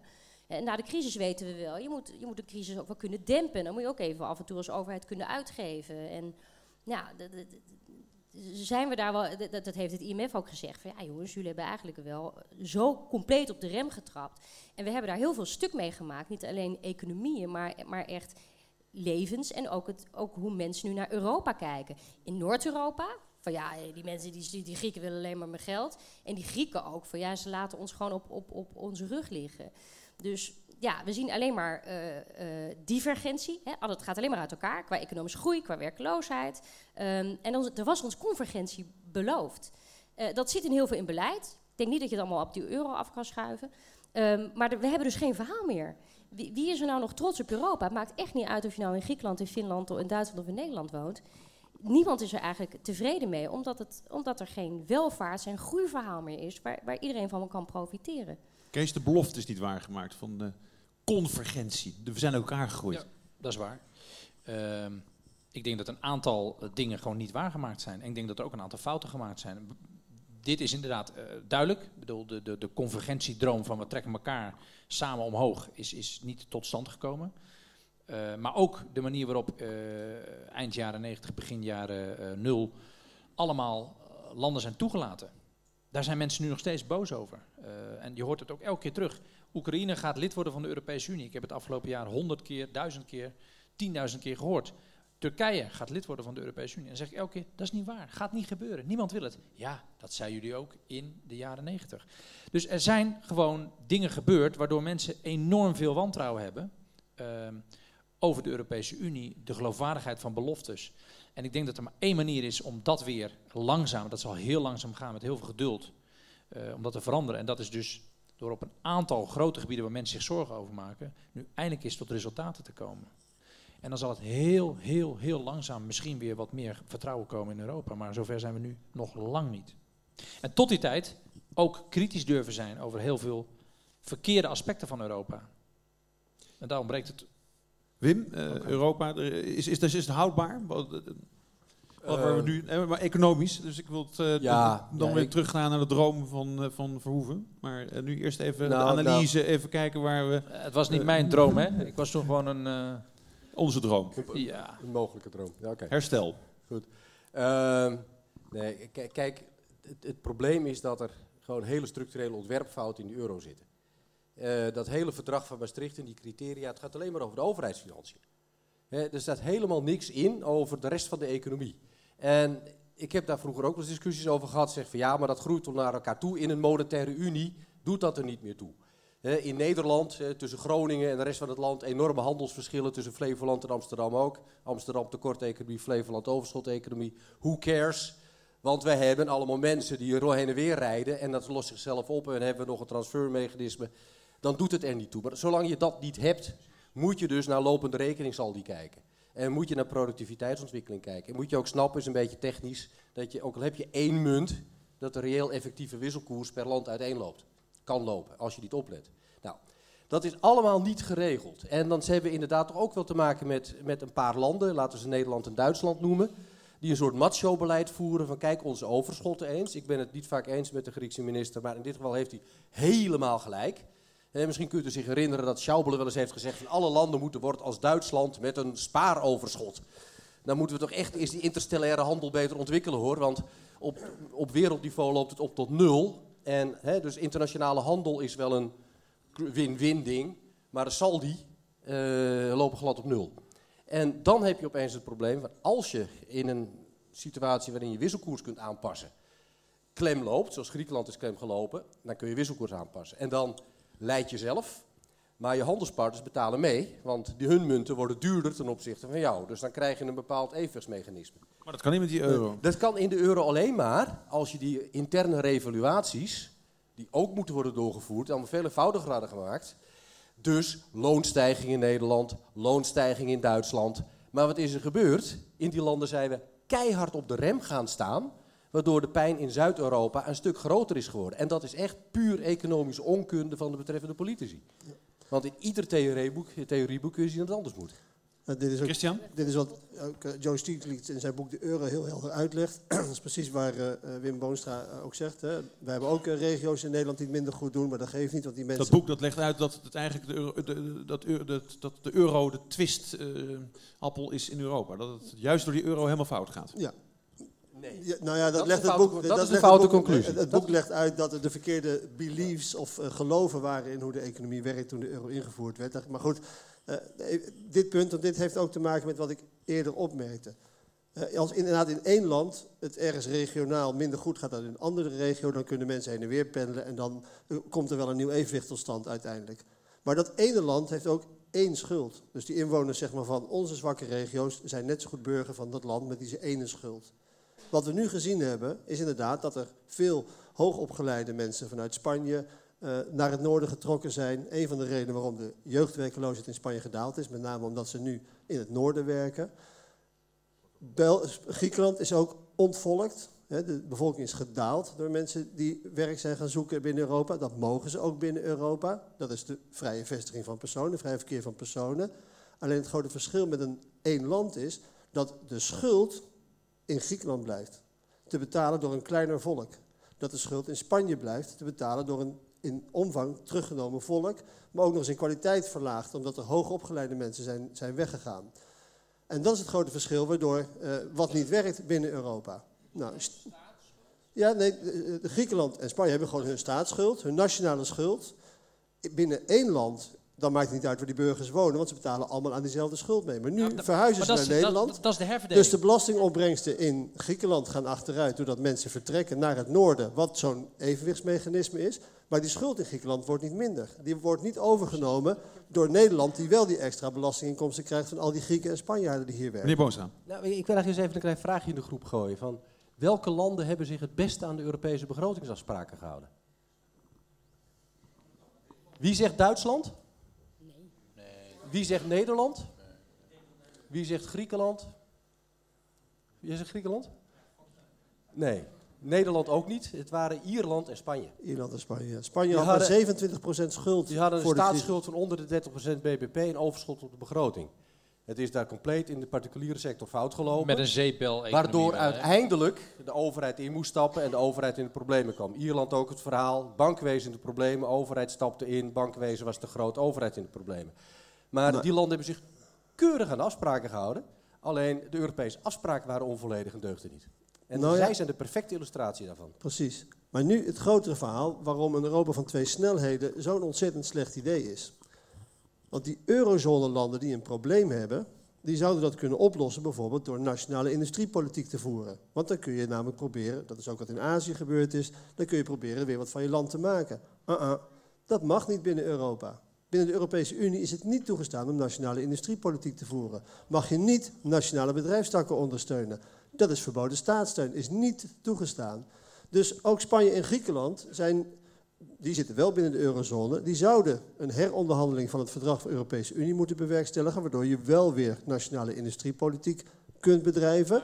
Alleen, dan gaan natuurlijk de landen die niet tot de eurozone liggen, dwars voor liggen, want dat was niet het idee van het vrij verkeer van personen en goederen. En dan heb je meteen een frictie tussen twee systemen dat- binnen één Unie. Dat is verschrikkelijk slecht. Dit is, hier ben ik het met dit diagnostische gedeelte ben ik het helemaal eens. Dit is die mengvorm. Ehm, en ik heb Of niet wat, wat zegt, het is nooit afgemaakt eigenlijk. Nou het is nooit goed bedacht. het is een slecht het- het- construct. Het is niet eens afgemaakt. Er is nooit de bedoeling geweest om dit af te maken. Het is gewoon, er is iets neergezet waarvan nu duidelijk is dat er een aantal elementen in zitten die, eh, die wel eh, ge- ge- gedacht zijn vanuit het geheel. En een aantal die niet zijn gedacht vanuit het geheel. Namelijk die zijn op het, op het nationale niveau blijven hangen. Ik heb niet al die economische boeken eh, en filosofische en eh, fiscale boeken gelezen. Maar ik heb eens een boek van Thierry Baudet gelezen. Nou, dat is heel leerzaam. eh, Ja, je moet Ja. namelijk je moet ook je vijanden kennen. ook Hij kon niet kan ook vanavond. koken, dat heb ik plaats En- genomen. En hij is niet hier vanavond, maar hij, hij, zijn geest is dan een beetje hier. Kijk, hij zegt, ik heb liever het verhaal van, en dat is niet het verhaal van D66, want wij zijn daar ook wat voorzichtiger in, maar ik heb liever het verhaal van Verhofstadt, waarbij je echt helemaal alles volledig Europees maakt. Dan heb je niet meer die mengvorm, heb je wel allemaal andere eh, eh, zaken die je zou veranderen waar mensen doodsbang voor zijn, dat weet ik. Of je moet weer terug naar de natiestaat. En al het, hij zegt eigenlijk heel simpel. Misschien maakt de discussie nu iets te simpel voor jou, maar dan moet jij maar weer ingewikkelder maken, eh, Erik. En daar hebben de mensen hiervoor. Of je gaat voor een volledig Europees federaal geheel. Met, met, dan heb je ook niet meer al die, die tussenvormen. Of je gaat terug naar de natiestaat. Dat zegt hij. En feitelijk is het zo dat we nu een tussenvorm hebben. Met, met, met allerlei subvarianten. Die dus inderdaad, zoals jij net ook heel terecht opmerkte, eh, Christian tot allerlei vreemde wrijvingen, eh, touwtrekken en scheefheden leiden. En dan heb je dus gewoon het verhaal van, van, van Dijsselbloem. Ja, Europa is per definitie doormodderen. En dan krijg je dus dat het doormodderen is. En dat is wat we nu aan het doen zijn. We zijn aan het doormodderen met datgene wat we nu hebben. Dan kun je zeggen, nou, we hebben wat we hebben en het werkt soms goed, werkt soms slecht, daar gaan we mee door. Dat is doormodderen. Je kunt zeggen, we stoppen, we gaan terug naar de naastaat ontmantelen. Nou, er zijn mensen die dat willen. Of je zegt, nou, we gaan stappen zetten om het in ieder geval te vervolmaken naar iets wat wel consistent is. Nou, dat laatste is dan weer wat meer mijn school. Maar daar zou het in het tweede blok dan misschien over meer over moeten gaan. Maar Ja, die want die mengvormproblematiek urgentie is er volgens is jou wel. Doormodderen is wat jou betreft in ieder geval geen optie. Eh, althans Nee. voor D66. Nee. Mag ik nog één klein ding? Nou ja, dat Maar mag is wel wat er mag- gaat mag- gebeuren. mag ook iets groter dingetje zijn. Oké, nou ki- kijk, ehm, we zitten wel heel erg vast in het moment waarop we op dit moment zitten. Eh, als jij begin jaren tachtig had gezegd, "Weer jongens, over tien jaar hebben we een interne markt in Europa met vrij verkeer van goederen, diensten, kapitaal en mensen, dan was je een beetje voor gek verklaard. Hij was er wel in eh, begin jaren negentig. Eh, toen je begin jaren negentig zei, binnen de bank zei van mensen, er zouden we moeten rekening houden met een invoering van een gemeenschappelijke munt. Nou, ik werd net niet in de dwangbuis afgevoerd, maar het scheelde niet veel. En het is dat Herman Wijfel zei van, hij kon wel eens gelijk hebben, laten we maar eens aan het werk gaan. Ehm, en een paar jaar later eh, waren we op weg naar, naar die euro. Nou, we zitten nu weer in zo'n fase van, eh vroeger noemde het eurosclerose, nu is het anti-eurosepsis. Over tien jaar kan het weer wezenlijk anders zijn. Hè, en ook wat dat betreft, we willen een beetje proberen de zaak in perspectief te houden. Van jongens, op de lange termijn met ups en downs gaat het per saldo toch eigenlijk wel steeds beter. Ja, en ik Ik wil denk- eigenlijk wel een pleidooi houden voor, eh, nou ja, pleidooi is misschien een groot, groot woord, maar eh doormodderen is wel heel negatief geformuleerd. Ehm, aan de andere kant kun je ook zeggen, het is toch eigenlijk fantastisch dat we met zoveel verschillende lidstaten elke keer toch weer een oplossing eh, bereiken. En het is niet allemaal, eh, weet je, de wereld, de wereld is niet perfect. We moeten ook niet denken dat de, de Europese Unie een, een, een heel economisch project is. Nee, dat is een heel chaotisch, machtspolitiek, politiek project. Dat zal altijd zo blijven. Het zal altijd gaan over Frankrijk en Duitsland die elkaar in evenwicht moeten houden. En daar cirkelen nog wat lidstaatjes omheen. En ik, volgens mij moeten we daar ook realistischer in zijn dat dat Europa is. En dat we er elke keer toch weer even uitkomen en het weer een jaartje hebben gered. Ik, ik ben ook hoor, er moeten heel veel dingen moeten er anders. Maar dat is ook wel weer wie wij zijn. Dat is een onderdeel van onze Europese identiteit. Ik ben het helemaal met je eens. Ik denk dat doormodder ook een zegen is geweest vanuit democratisch opzicht. Er gebeuren gewoon niet al te veel gekke dingen. Daarom is het ook een zegen, denk ik, dat ik in een land woon wat coalitieregeringen kent. Daardoor is de, het pendulum niet altijd even groot. Zoals in Engeland, het is of de conservatieven of de socialisten. En het schiet maar heen en weer, zeg maar. Ik geloof wel in coalitie. En doormodderen is voortdurend coalities vormen. Ja, Hè, maar toch wordt, toch D66 wordt, toch wordt onderstreept nodig dat de urgentie gevoeld. Eh, Overal in Europa, de opkomst van het nationalisme. Eh, Wim, je hebt het ook in het voorgesprek genoemd. We- zo kunnen we eigenlijk niet verder. Eh, en, en tegelijkertijd is doormodderen toch een, een, een soort van optie. Ik hoor jou het nu net anders zeggen. Ik weet het, Kees. Ik, je, je fronst je wenkbrauw. Maar, het, maar het is, het is, het, de urgentie wordt door iedereen gevoeld. Daarvoor hebben we dit gesprek eigenlijk ook. Ehm, Nou, maar jij hebt eigenlijk het, eh, een, pleidooi zo van, ja, eh, en, en, en ook uh, Boonstra en, en, en Hella, je weet je, het komt wel goed eigenlijk. nee, nee, dat nee, nee, nee, nee, nee, nee, Ja, vind ik wel een adequate samenvatting het- die je daar neerzet, eh, het- Erik. het- democratische model van doormodderen. Ja, dat komt wel wel goed. Kijk, het, pro- het probleem met doormodderen is dat, is dat op dit moment zit je in een situatie waarin dingen beginnen af te kalven, af te brokkelen. Op, al- als jij naar Zuid-Europa kijkt, je ziet daar landen, landen met een werkloosheid van rond de 20%, de jeugdwerkloosheid van boven de 30%, dan is 2% economische groei niet genoeg om perspectief aan de bevolking te bieden. Die groei moet omhoog, er moet wat gebeuren. En dat past op dit moment niet in de bestaande afspraken. En dan zul je zien dat steeds meer landen tegen Europa zeggen, jongens, zak er maar in, wij gaan ons eigen weg. En dat de Europese Centrale Bank, als die op een gegeven moment eh, niet meer de ruimte krijgt vanuit de politiek om te doen wat ze doet, dan schieten die rentes in die landen omhoog en dan gaan ze lekker failliet op hun staatsschuld. We naderen het punt dat je keuzes moet maken. Dat doormodderen wat we de afgelopen jaren hebben gedaan was overleven. Dat heeft de zaak overeind gehouden. Trouwens meer dankzij Draghi dan dankzij eh, de Europese politici, ik wil het toch maar even zeggen. Eh, maar we naderen het punt dat dat niet meer door kan gaan. En dan moet je inderdaad toch wel kiezen van hoe willen we de samenwerking vormgeven. En hoe zorgen we dat het goede wat we bereikt hebben ook niet kapot gaat. Want er is ook heel veel goed. En dat j- we. Jij doet nu een beetje hetzelfde als al die nationale politici. Die allemaal zeggen van ja, succes dat is van mij en de problemen zijn van Brussel. Jij doet nu het succes is van de banken en de problemen zijn van de politici. Dat is een beetje, dat is een beetje, dan zet je, Het is een is- beetje dat is een beetje, dat is een Het- beetje te makkelijk. Het vind ik. succes is van de banken. Je zegt net. Draghi. Draghi heeft het fantastisch gedaan en politici zijn dom. Dat Dra- zeg jij. Draghi heeft tot twee, drie keer toe de euro gered, Ja. omdat de politiek op dat moment Ja. gewoon niet de maatregelen moest Dus dan doe je toch hetzelfde als wat je die nationale politici verwijt. Die zeggen Brussel is dom en wij zijn slim. Jij zegt eh, de politici zijn dom en de banken zijn goed. Ik constateer een feit. Lees de krant eens. Nou, ik ben, nee, ik, dat is natuurlijk geen Even, feit. pa- ja, nee, God, ik ben blij dat die kranten worden gelezen, hier, Christian. Eh, eh, even eh, een, slot, een slotwoord even over het di di diagnostische deel. Want ik wil toch nu zo meteen over naar het, het constructieve deel, waar we bij het, het omdraaien. We gaan direct door naar het construct- eh, constructieve economische dan, gedeelte. dan, Geloof ben, je het dan zelf ben ik, dat we jou, nog dan ben ik jouw bruggetje. Dan Nee, ben het, ik, moet, het moet constructief. Het dan kan. ben ik jouw bruggetje. Ik ben in 1964 geboren en ik richt eh, bij deze een nieuwe partij op, D64. Dat staat voor Doormodderen 64. Omdat ik doormodderen een heel veilig, democratisch, procedureel, succesvol model vind. Dat vindt D66 ook. Die wil niet dat door een stemming in een referendum 60 jaar doormodderen wordt doorgestreept. Dat schrijven jullie ook in je verkiezing. Jullie willen niet een eh, referendum over een exit. Jullie willen niet een referendum eh, over verdragen die Europa aangaat. Want wat in 60 jaar door het nieuwste democratische arbeid, zo staat ook in jullie verkiezingsprogramma, is opgebouwd, moet je niet met één pennenstreep van zeg maar, de waan van de dag uit een referendum doorhalen. Ik ben het daarmee eens. Ik wil graag doormodderen. En dan mijn bruggetje naar jou. We moeten alleen over andere onderwerpen doormodderen. De politici van nu hebben allemaal oogkleppen op en kunnen nog maar aan één of twee of drie onderwerpen denken. Dat gaat over die vier fundamentele vrijheden, dat gaat over de interne markt. En daar houdt het eigenlijk zo'n beetje bij op binnen Europa. Terwijl ik denk dat er veel meer binnen Europa kan praten over Europese identiteit. Je kunt met elkaar nadenken over wat elkaar bindt. We kunnen het, hebben over, we kunnen het wel hebben over sociale zekerheid binnen Europa. Een beetje vaag allemaal dit hoor. Nou, sociale zekerheid is dat Filosoof, vaag? hè? Filosoof. Concreet, wat, hè? Nou, als, jij, als jij een aftrap wil maken, uh, Christian, wat is nou concreet? Nou, bijvoorbeeld concreet uh, toestaan van nationale industriepolitiek. Het niet zo strikt hanteren van verboden staatssteun. Waardoor landen weer meer ruimte krijgen om bijvoorbeeld te convergeren daar waar het nodig is. Dat kan nu niet op grond van het verdrag. Dat is bijvoorbeeld een heel concrete. Sociale zekerheid, de detacheringsrichtlijn, daar pleiten jullie ook voor. Hè? De, de Poolse goedkope arbeiders. Maar dat zijn allemaal onderwerpen die steeds weggeduwd worden, want dat zit niet in het verdrag. Daar kun je het dus niet over hebben, eigenlijk. Tenzij 27 landen unaniem het erover eens zijn dat je het daarover moet gaan hebben.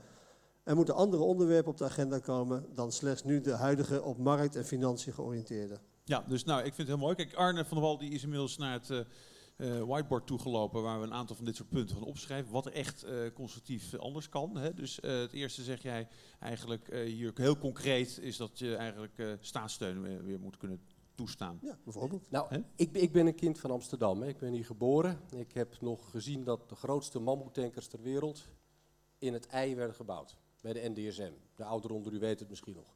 Die gingen dan in twee stukken gingen ze van de helling. Dan werden ze in het water aan elkaar gelast. En dan konden ze nog net door de Noordersluis van IJmuiden. En dat was het halve NOS-journaal draaide eromheen in die tijd. NTS heette dat toen nog. Toen waren wij... Nou, op een gegeven moment ging dat dus, kwam in problemen. Toen zijn we nationale industriepolitiek gevoerd. We hebben er miljarden ingepompt. Het is uiteindelijk toch verdwenen. Het heeft een leuke parlementaire enquête opgeleverd. Nationale industriepolitiek is zelden... Uh, dus tenminste, laat ik zo zeggen, de grens tussen nationale industriepolitiek en protectionisme is heel, heel dun. Ik denk dat maar je er dat, zijn, er zijn, hele, dat er zijn bedoelt, hele goede maar- voorbeelden van die zeg maar, net door de beugel konden. Bijvoorbeeld, dat is de innovatiebox in Nederland. Dankzij de innovatiebox hebben, hebben we. ASML. Daarom hebben we ASML Waanzinnig nog steeds. gesubsidieerd. Anders waren ze al lang weg geweest. De ASML, prachtig voorbeeld. Geef u daar eens. ASML is een, is een prachtig bedrijf. Kijk, en, en ik, ik, kijk ik, ik kan me heel goed voorstellen dat je, eh, dat je zegt van er zijn bedrijven die zijn strategisch voor het hele kennisniveau in Nederland. He, zo Philips zijn weggetrokken uit Eindhoven en naar China zijn gegaan. Dan was die hele kennishub daar ook verdwenen. En zo zijn er nog wel een paar dingen te bedenken en daar moet je strategisch mee omgaan. Maar voor je het weet heb je iedere lobbygroep op de stoep staan die zegt van ja, maar wij zijn ook heel belangrijk. En onze Ja, maar ik vind, toetjesfabriek ik is vind ook het heel een beetje negatief belangrijk. hoor. Beetje, we zouden het constructief houden. Dus ik vind op zich die staatssteun en het kunnen subsidiëren van eh, onderzoek en, en, en ook bedrijven. dat- Gekla- geklausuleerd dan, Ja, hè? maar- maar, geen protectie. Maar eigenlijk is het gewoon een pleidooi voor op sommige punten meer diversiteit toestaan. Ja, absoluut. En dat vind ik helemaal niet zo'n gek idee. Minder, minder de regie Meer diversiteit. van die vier Ja, fundamentele Maar dat, dat is, vrijheden dat is wat ik net ook zei. Dat is wat ik net zei. Sommige dingen zou je Europees moeten regelen. Met een Europees soort democratisch geregeld, eh, geregelde manier. Sommige dingen ook niet.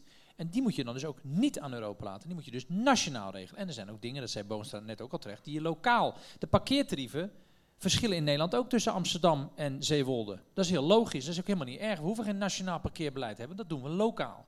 Dat geldt ook voor het Europees niveau. We hoeven niet de zorg, de woningmarkt, het onderwijs, hoeven we niet Europees te regelen. Er mogen best verschillen zijn tussen landen. Nou, Vos zegt nu, Vos zegt nu, je, ja, die, die heeft er een handje van hoor. Eh, En Vos zegt nu van nou, je zou het industrie- of innovatiebeleid kunnen decentraliseren.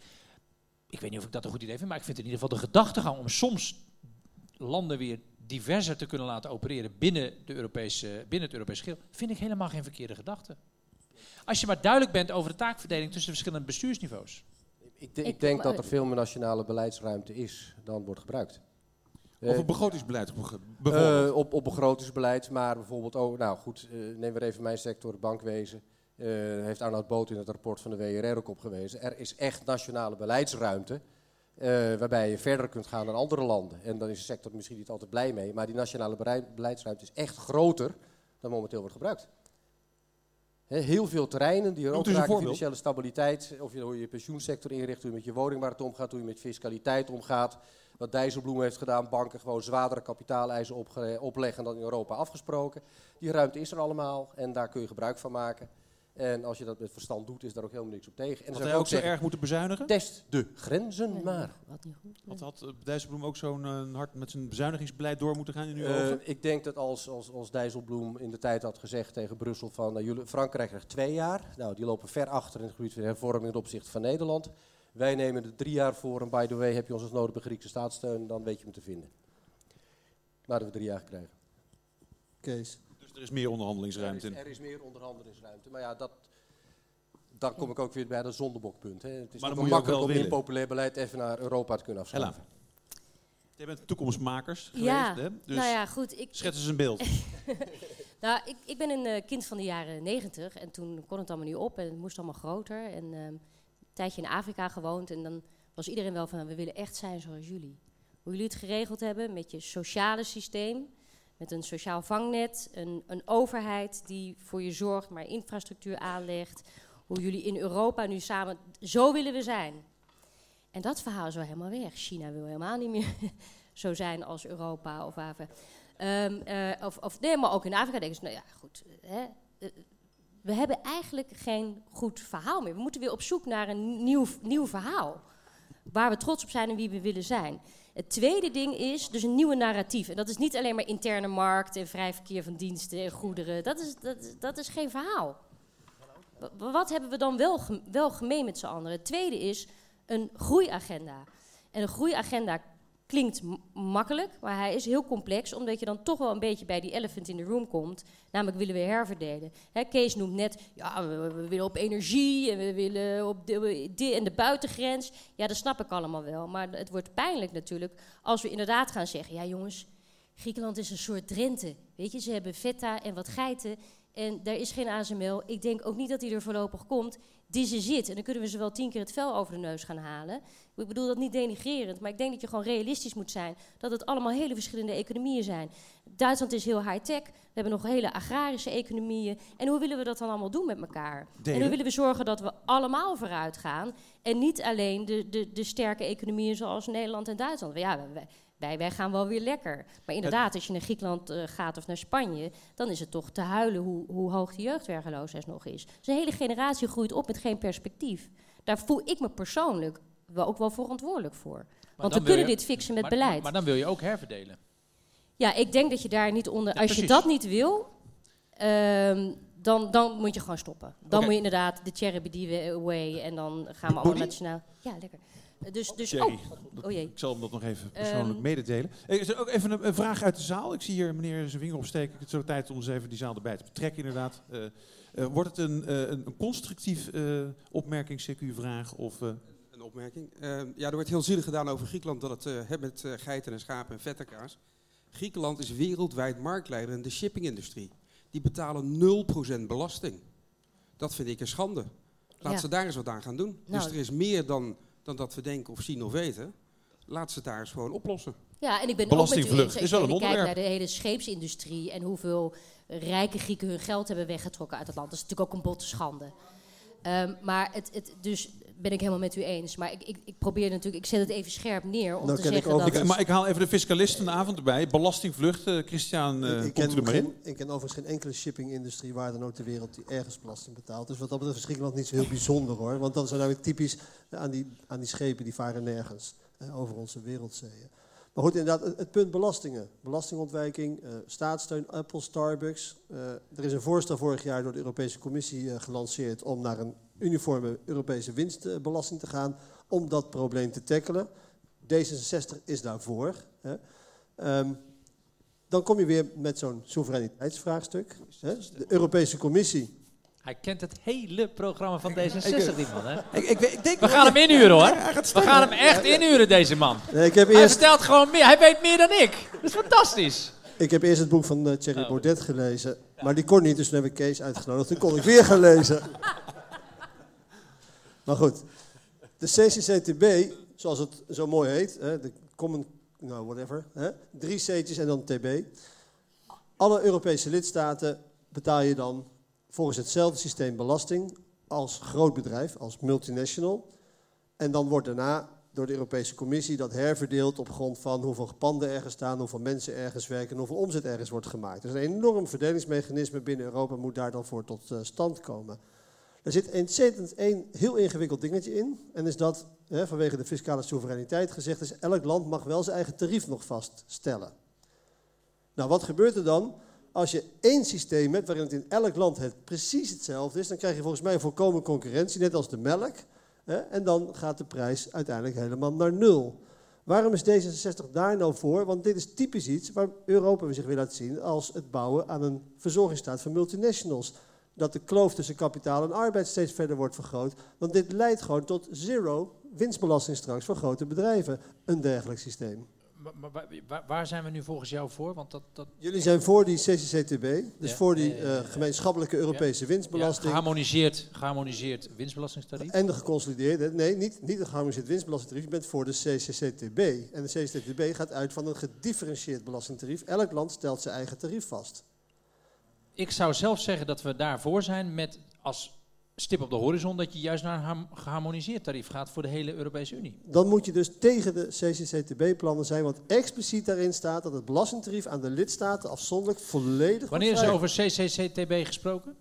Eh, begin dit jaar nog. Eh, in de eco, in, eerst aanstaande ECOFIN wordt het eh, beslist of het een volgende SAAS ingaat. Nou, Er is nog een positie voor hij als medewerker? Gaat er Nee, maar eh, om uit te zoeken. Nee, maar ik weet gewoon, ik, ik weet helemaal niet wanneer dat CCCTB in de Kamer besproken is, of wij daar inderdaad over gestemd hebben. Ik weet dat niet, dat is allemaal door, door Wouter behandeld. Maar ik vind het een interessant punt. Als jij zegt, jullie zijn voor een eh, één systeem waarbij je wel mag differentiëren. Ik had vrijdag bij BNR hadden we een, eh, een debat met, met twee andere eh, fracties van VVD en GroenLinks. En toen ging het juist over één geharmoniseerd tarief.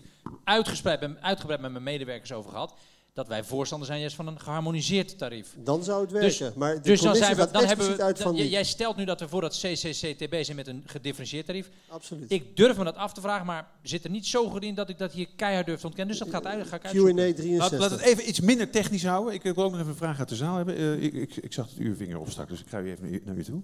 Hallo, eh, hoe heet u? Mijn naam is George Kate. Ik heb al een paar boeken voorbij horen komen waar wijsheid vandaan moet komen om dit Europese dilemma te lijf te gaan. Maar ik mis nog één boek, wat in 2016 is uitgekomen van een Duitse mevrouw, Ulrike Guero. En de, de titel daarvan is Waarom Europa eine Republiek weren moes. Zij geeft daar in de helft van het boek de analyse waarom dit een doodlopende weg is, de huidige EU een absoluut doodlopende weg is. En in de tweede helft van het boek geeft ze de stip op de horizon waar het naartoe moet. Dat is een republiek die op Europees niveau heel weinig dingen regelt. Maar op basis van de soevereiniteit van de burger, niet de soevereiniteit van de regering van een nationaalstaat, maar de soevereiniteit van de Europese burger, geeft zij aan dat die rechten heeft. En die zouden gelijk moeten zijn. Een aantal rechten zouden gelijk moeten zijn. Onder andere het recht op arbeid. Onder andere het recht op een sociaal vangnet. En daarnaast noemt zij nog wel een aantal andere criteria als het recht op eigendom regelen in de Europese Unie. Wat is eigendom? Hoe definieer je dat? Dat zijn zaken die je op Europees niveau zou moeten regelen. En, en ik, ik doe het tekort door, daar, door het hier nu bij te laten. Maar dat zou ik interessante lectuur vinden voor... En ik ben eigenlijk benieuwd of er iemand in de zaal dat boek kent. Ik ken het niet. Nee, kijk, die meneer vooraan, ze kent het wel. Wel- bij welke uitgever is het uitgekomen? Dan kunnen we dat op het bord zetten. Dan. Het is helaas nog niet vertaald in het Nederlands. Het is een Duits boek eh, en je kunt het zo op internet vinden. VPRO Tegenlicht heeft twee maanden geleden een uur met Ulrike Guero omgegaan. En daaruit, dat dat heeft mij geïnspireerd om dat boek te kopen. En ik moet zeggen, na 50 bladzijden was ik als ongelooflijk fanatiek voorstander van de huidige EU, die door moet rommelen. Alle mijn fundamenten waren weg, waren totaal weg. Maar ik heb wel genoten van het punt op de horizon hoe het wel moet en kan. Nou, dat vind ik in ieder geval heel inspirerend om te horen. Dus dat betekent dus dat er een stapeltje op, eh, wat opgehoogd kan worden op het nachtkastje. Het, de titel van het boek, ik ga het nog één keer vragen. Het boek is Waarom Europa eine Republiek werden moes. Nou, aangezien eh, Arne een tijd lang in Duitsland heeft gestudeerd, kan hij dat foutloos opschrijven. Ehm, ja, ik ga nog één vraag. Ja, ik, hier, eh, ik, ga, eh, ik loop u even doorheen. Nee, dat ga ik niet doen. Ja, nou, weet je, ik ga u gewoon een microfoon even geven. Komt u even hier naartoe. Dank, ik heb een vraag. Ehm, is de euro houdbaar? Ehm, we hebben één centrale bank met één rentestand en een monetair beleid. Een enorme QE-molen. Werkt dat voor 18 eh, landjes? Vraag denk ik aan de heer eh, Boonstra. Volgens mij is het een prangende kwestie namelijk. Ja, nogal. Ehm, kijk, kijk hij, hij is niet ideaal. Uh, een van de problemen waar je mee zit, hè, de Europese Centrale Bank, die kijkt, die kan alleen maar beleid voeren op het Europees gemiddelde, per definitie. En dat Europees gemiddelde bestaat, hoe gaat het in Frankrijk, Duitsland, Italië en de rest zit met een beetje mazzel in dezelfde conjunctuur en zo niet, dan loop je uit de pas met monetair beleid. Dat betekent eigenlijk, en dat, goed, daar, daar, daar heb ik 15 jaar geleden al een stuk over geschreven, dat je meer flexibiliteit in je begrotingsbeleid zou moeten hebben, wat vooral voor kleine lidstaten van belang is om eventueel te kunnen tegensturen als je uit de pas loopt met het gemiddelde conjunctuurbeeld, wat altijd zal gebeuren. dus dat is sowieso. Oh, dat betekent ook weer een overeenstemming met Varoufakis, uh, is mijn indruk dan. Eh, ja, nee, ik denk dat het met Varoufakis in heel veel opzichten best eens zou kunnen zijn. Waar het dat ik het niet zo eens ben met de manier waarop Griekenland zich uh, eerst de euro en vervolgens de crisis inmoffelde en vervolgens alles op scherp zet in Europa. En dan weet ik ook wel dat Jannes Modaal, ja, dat is nu de prijs dat, betaalt... Ja, dat is het schuld- en boetegeval. Nee? Nou, dan heb ik met u ook nog wel een appeltje te schillen, maar dat is Prima. een bankair maar verhaal. geen antwoord maar hij, hij is de minister van Financiën. Maar, maar is die euro houdbaar? Kijk, idealiter had hij een andere samenstelling. idealiter had hij een andere samenstelling dan hij nu heeft. Er zitten gewoon een paar landen in die, die er beter niet hadden mee kunnen doen. Het probleem is alleen, en dat is iets waar Joost Diklits bijvoorbeeld veel te achterloos aan voorbij gaat, het er weer uitstappen is gruwelijk moeilijk en duur. He, uh, nou ja, dat, dat, dat is waarschijnlijk dan toch de mindere prijs. Uh, het enige land, uh, zelfs voor Griekenland, hè, want Griekenland heeft geen industrie. Griekenland heeft, als die weer een drachme in zouden voeren, dan heb je gewoon financiële, economische chaos in Griekenland. Daar worden de Grieken ook niet beter van. Dat hadden we beter moeten bedenken toen we dingen in elkaar zetten. Maar er wordt heel luchtigjes gepraat van je kunt er ook weer uitstappen. En dat wordt vooral gedaan door mensen die niet hebben nagedacht wat dat in de praktijk betekent. Het is een beetje met een huwelijk. Je stapt erin, na twintig jaar denk je van nou toch niet de ideale keuze geweest.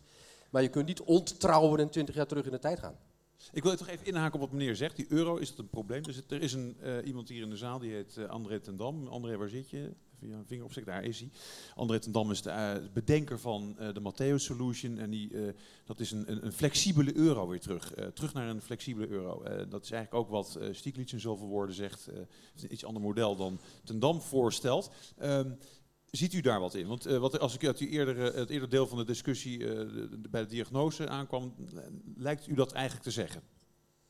Nee, zodra je een flexibele euro hebt, kunnen landen erin en uitgaan. Dan geef je financiële markten alle kansen om weer lekker te gaan speculeren. En zijn we helemaal lekker terug in de financiële chaos van de jaren 70. Geen goed idee.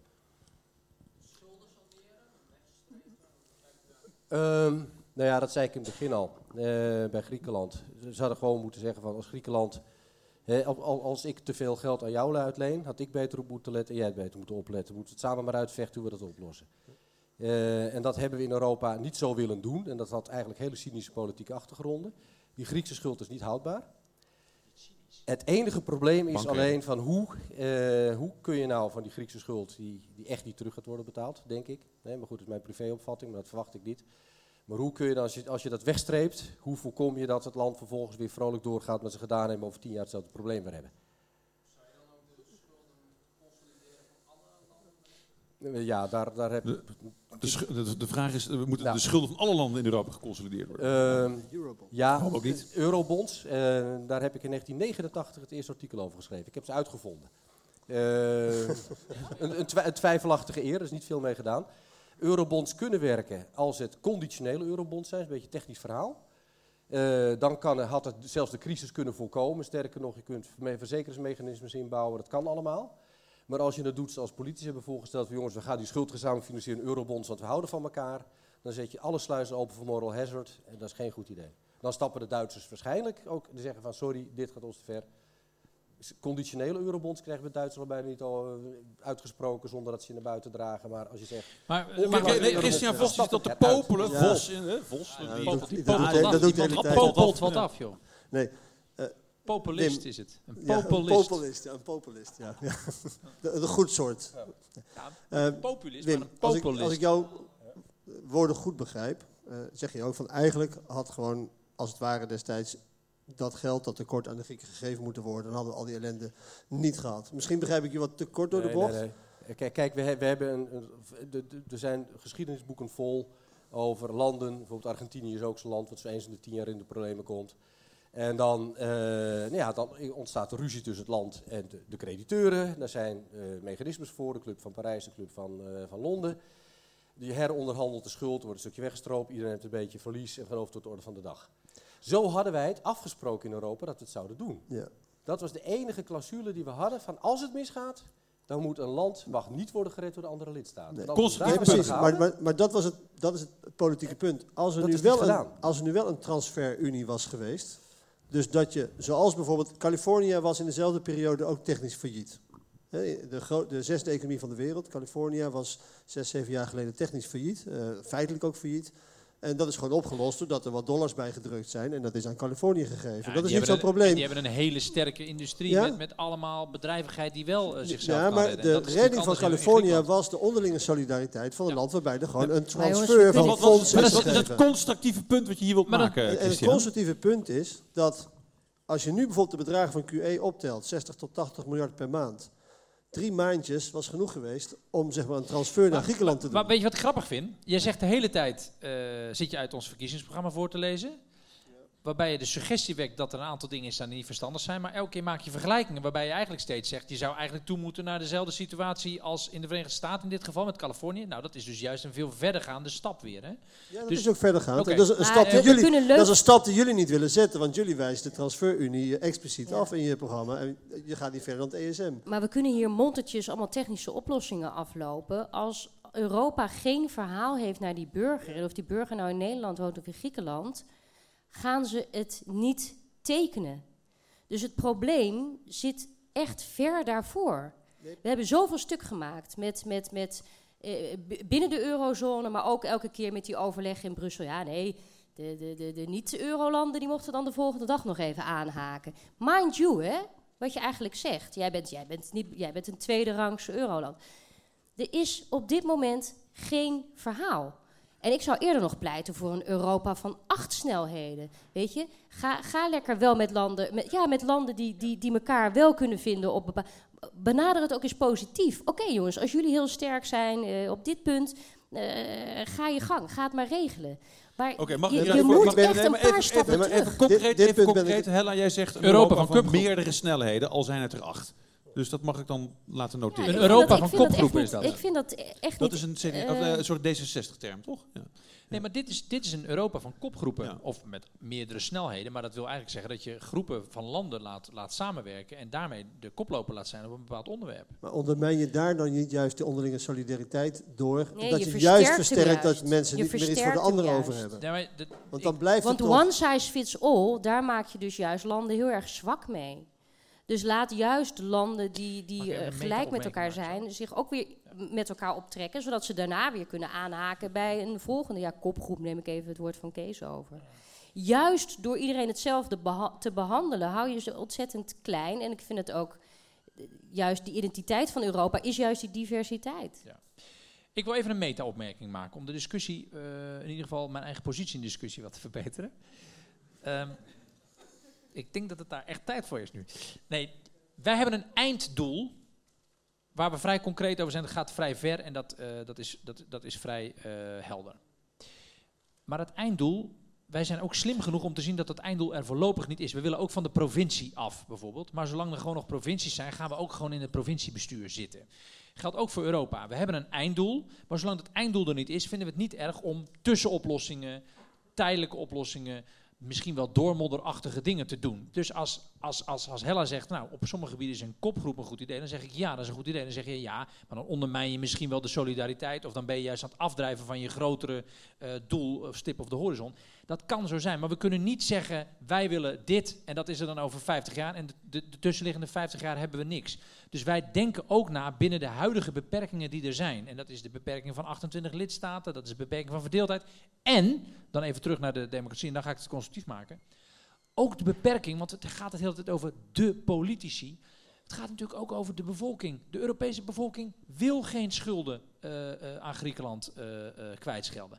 De meeste mensen zijn woedend. Die zeggen alleen maar, ja, die Grieken liggen lekker op het stand en wij gaan hun schulden kwijtschelden. Dus wij zijn er wel voor, hè? Wij zijn voor het kwijtschelden van die schulden. Ja, dat, is, dat, is, dat is duidelijkheid. fact-free, want het is niet zo, ze ligt niet alleen maar op het strand. St- Nee, en, en het is dus het ook... is- hè? nee, maar is dat niet is ook een wereld, nee, maar is het dat is ook niet een wereldbeeld Nee. wat aan kritiek onderworpen is wel zou fact- moeten Het is worden? wel fact-free, alleen het vergt dan dus politici en leiders die daartegen in durven te gaan, die de feiten op tafel durven te leggen en die durven te zeggen, wij staan voor een bepaald Europa en we leggen dat uit aan onze bevolking. Ja, en dan kom ik En op dan ben ik het dus eigenlijk meer met Hella eens. Niet alleen maar de financiële, fiscale techniek, alsof de fiscalisten en de bankiers alles goed gedaan hebben in de afgelopen decennia. Nee, ook met een inhoudelijk verhaal komen waarmee je bevolkingen, mensen weer mee kan krijgen. En dan pas kun je weer naar structuur en techniek toe. Dus er moet een verhaal komen voor Europa waar mensen weer in geloven. En dan kun je stappen zetten. En wat mij betreft is dat soms met een kopgroep, soms met een centrale afspraak en soms juist met het, het nationaal regelen van dingen. Dus het is niet zo simpel om te zeggen, jullie willen dit, dus in de tussentijd niet meer nadenken. Nee, we blijven ook in de tussentijd Ik, nadenken. ik kan me de tijd nog herinneren dat we trots waren op het feit dat we netto betaler waren als Nederland aan de Europese Unie. En dat dat echt een breed gedragen gevoel was. Dat is helemaal niet erg, dat is goed, het is fijn. Het is fijn dat Nederland een netto betaler is. Dat is ergens gekanteld. En Daar zat een verhaal en- achter en, dat en- verhaal is uiteengespat. Er moet een nieuw verhaal komen. Wat zijn de... eh, Je hebt dat al aangedragen, je, Kees, jij, Het je is beaamt dat- dat. Mag ik van Boonstra een paar ingrediënten van dat verhaal horen? Nou, no- nogmaals, vertel het hele verhaal. Begin er eens een keer mee. Het hele, dat wij netto-betaler zijn. Nederland heeft meer dan welk land in Europa geprofiteerd van de Europese samenwerking. Omdat zij nu eenmaal heel erg veel invoeren, uitvoeren. Massa's Europese hoofdkantoren in ons land hebben. Dat creëert honderdduizenden banen, noem alles maar op. Eh, dus ja, onze overheid betaalt een beetje aan Europa. Dat, dat is een best eh, me- meer geld dan ik ooit bij elkaar heb gezien. Maar eh, wat wij eraan verdienen is een veelvoud daarvan. Dus begin maar eens een keer met het hele verhaal te vertellen. En hetzelfde is ook met de rest van Europa. Er gaat ongelooflijk veel goed in Europa en mensen weten het niet eens. U heeft Dan komt alle- onze inleider, hè? u- u de heeft- vanzelfsprekendheid. Hè? U heeft allemaal een iPhone bij u, neem ik aan, de meeste van u. Het zal u niet onbekend zijn dat u tegenwoordig in het buitenland ook vrolijk dat ding kunt gebruiken zonder waanzinnige kosten te, te hebben. Dat heeft Europa geregeld, hè? Niet Nederland. Dat had, had de nationale staat niet kunnen regelen. Zeg je? Het is een minimaal voordeel. Nee, de, het, het zijn. Het, er zijn massa's, massa's van dit soort dingen. En Europa, en dat, dat is denk ik een, een punt. Ze moeten eens een keer wat beter worden in hun marketing om te laten zien wat ze allemaal Ik, ik doen ben het voor de mensen. collega Chris Alberts die dat even is if you aangaf. have to sell it. Dat vind ik, ik vind marketing al een afschuwelijk woord. Ja, het is als je, als je Europa moet verkochten met, eh, verkopen Beter met Ja, uitleggen wat ze voor de mensen doen. Europa doet namelijk heel veel voor de mensen en het wordt als vanzelfsprekend aangenomen. Mensen denken er ineens meer bij na, omdat het is een beetje water uit de kraan. En Europa moet dus beter zichtbaar maken wat de toegevoegde waarde is. Het is een vanzelfsprekendheid en pas als het weg is, dan zullen we schrikken. Want dan is het leven opeens een stuk lastiger. Wees er zuinig op. Mag ik over die marketing nog heel kort? Er zijn, er zijn drie manieren om, om die marketing, ik vind het ook een rotwoord, maar om het draagvlak voor Europa te vergroten. Eén is het model van meer inspraak geven aan mensen. Dat is die vergaande democratisering. Dan geef je mensen meer Ik, invloed ik wil daar graag ook nog een paar echte eh, concrete aanwijzingen voor hoe dat opgelost moet worden. Nee, maar Ja? je hebt dus Ja. drie manieren om Europa Ja. aantrekkelijk te maken. Eerst het Eén- verhaal. Eén is eh, meer, inspraak, meer inspraak op besluitvorming. Het, het Griekse model zou je dat kunnen noemen, het Atheense model, het oude Athene. Zo was het oude Athene bedacht. We geven mensen inspraak en dan gaat iedereen erachter staan. Het tweede is, Behalve de slaven. hè. nee, niet gelijk, niet gelijk weer het verhaal gaan ondermijnen als het nog niet af is. Ehm, twee is het, het model van het geven van mooie dingen, roaming tarieven. Een aantal van de voorbeelden die, die Boonstra net riep en die ook dankzij onze inleider, maar ook dankzij de, de, het, het, geroep van Chris Albers, dat vinden mensen vanzelfsprekend en dat geloven ze niet meer. En het derde is het gezamenlijke identiteitsgevoel. We zijn met z'n allen één geheel. Dat is de derde manier om Europa weer meer draagvlak te geven. We zijn nu aan het zoeken naar een manier om het te doen. We hebben heel lang gedacht in het inspraakmodel. We hebben heel lang gedacht in het we geven kettingjes en kraaltjes model. En het lijkt er nu op dat we weer op zoek zijn naar het we zijn één geheel model. Alleen de fout is dat we dan vergeten dat er ook diversiteit is tussen die verschillende landen en dat die diversiteit niet per se in de weg hoeft te staan van het ene geheel. De vraag is dus, hoe accepteer je sommige verschillen en hoe verbind je bepaalde overeenkomsten? Dat is volgens mij de uitdaging van het nieuwe Europa. We vinden namelijk allemaal dat we in Nederland ook misschien wel Brabander, Amsterdammer of Fries zijn, maar we voelen ons ook Nederlander. Maar we vinden op de een of andere manier niet dat we allemaal Europeaan zijn en dat we ook nog Ier, Spanjaard of Belg zijn. En ik zou het mooi vinden om te zoeken naar een, naar een, naar een Europese Unie die een bepaald gemeenschappelijk gevoel heeft met respect voor de verschillen. En dat verhaal is nu helemaal weg en we zitten alleen maar in structuurdiscussies, of centraal of decentraal. En dus is die mengvorm misschien zo gek nog niet, maar die moet niet op een structuurmengvorm zitten, maar die op een gevoelsmengvorm moet die zitten. Maar ik, Ik denk ben- ook dat je reëel moet zijn dat, dat sommige culturele verschillen wel echt heel groot zijn. En misschien wel te groot. Bedoel, als, je, als je kijkt naar immigratie en hoe landen als Hongarije eh, daar omgaan met, een, met minder een immigratiecultuur dan bijvoorbeeld Nederland dat heeft. En bij ons eh, staat de boel al behoorlijk op spanning. Dan weet ik nog niet zo zeker of dat eh, te overbruggen is. Dus je ziet een enorme scheidslijn tussen Noord en, en Zuid. Want ja, schuld heeft in Duitsland en Nederland twee betekenissen, namelijk het is jouw fout. En je staat in de min. Hè. Het Engelse, de Engelsen hebben het woord debt en guilty. Dat zijn twee verschillende begrippen, maar voor ons is dat hetzelfde. Als je schuldig ben je fout. Dus dat is die hele, dat financiële verhaal. En natuurlijk gewoon dat immigratieverhaal. Daar zien we gewoon een enorme scheidslijn tussen Oost, eh, Oost en West. En als ik heel eerlijk ben, dan denk ik wel, ja, dan zijn we met 28 zijn we misschien te veel om echt een gemeenschappelijke identiteit daarin in te vinden. Daar heb ik mijn twijfels bij, helaas. Ken jij die twijfels ook, eh, Christian? Nee, ik, ik ben denk ik dan de uitzondering op de regel van Kees dat we wel Nederlander willen zijn, maar geen Europeaan. Ik wil wel Europeaan. Voel jij je dan ook een beetje Pool? Ja. Ja. Ik, ben er Ben nooit er wel eens geweest, zou in niet Polen? weten. Maar ja. Dan Ja. voel je ook een beetje Pool. Oké, nou, dat heb ik Ja. nog helemaal niet persoonlijk, Nee, maar ik voel me wel eh, Italiaan Orbán, een beetje. Met maar, Orbán voel ik me erg Ja. verbonden ook, met Orbán. eh, Ja, nee, nee. Ja. nee maar ik, ik wil wel Europeaan zijn. Ik, ik ben wel eh, heel erg eh, gevoelig voor onze eh, gemeenschappelijke achtergrond, de historie, de kunsten zoals die zich door Europa heen hebben ontwikkeld.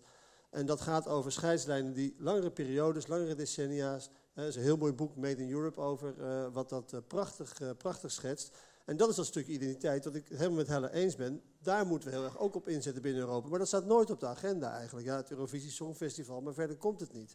Dat is het wel ongeveer.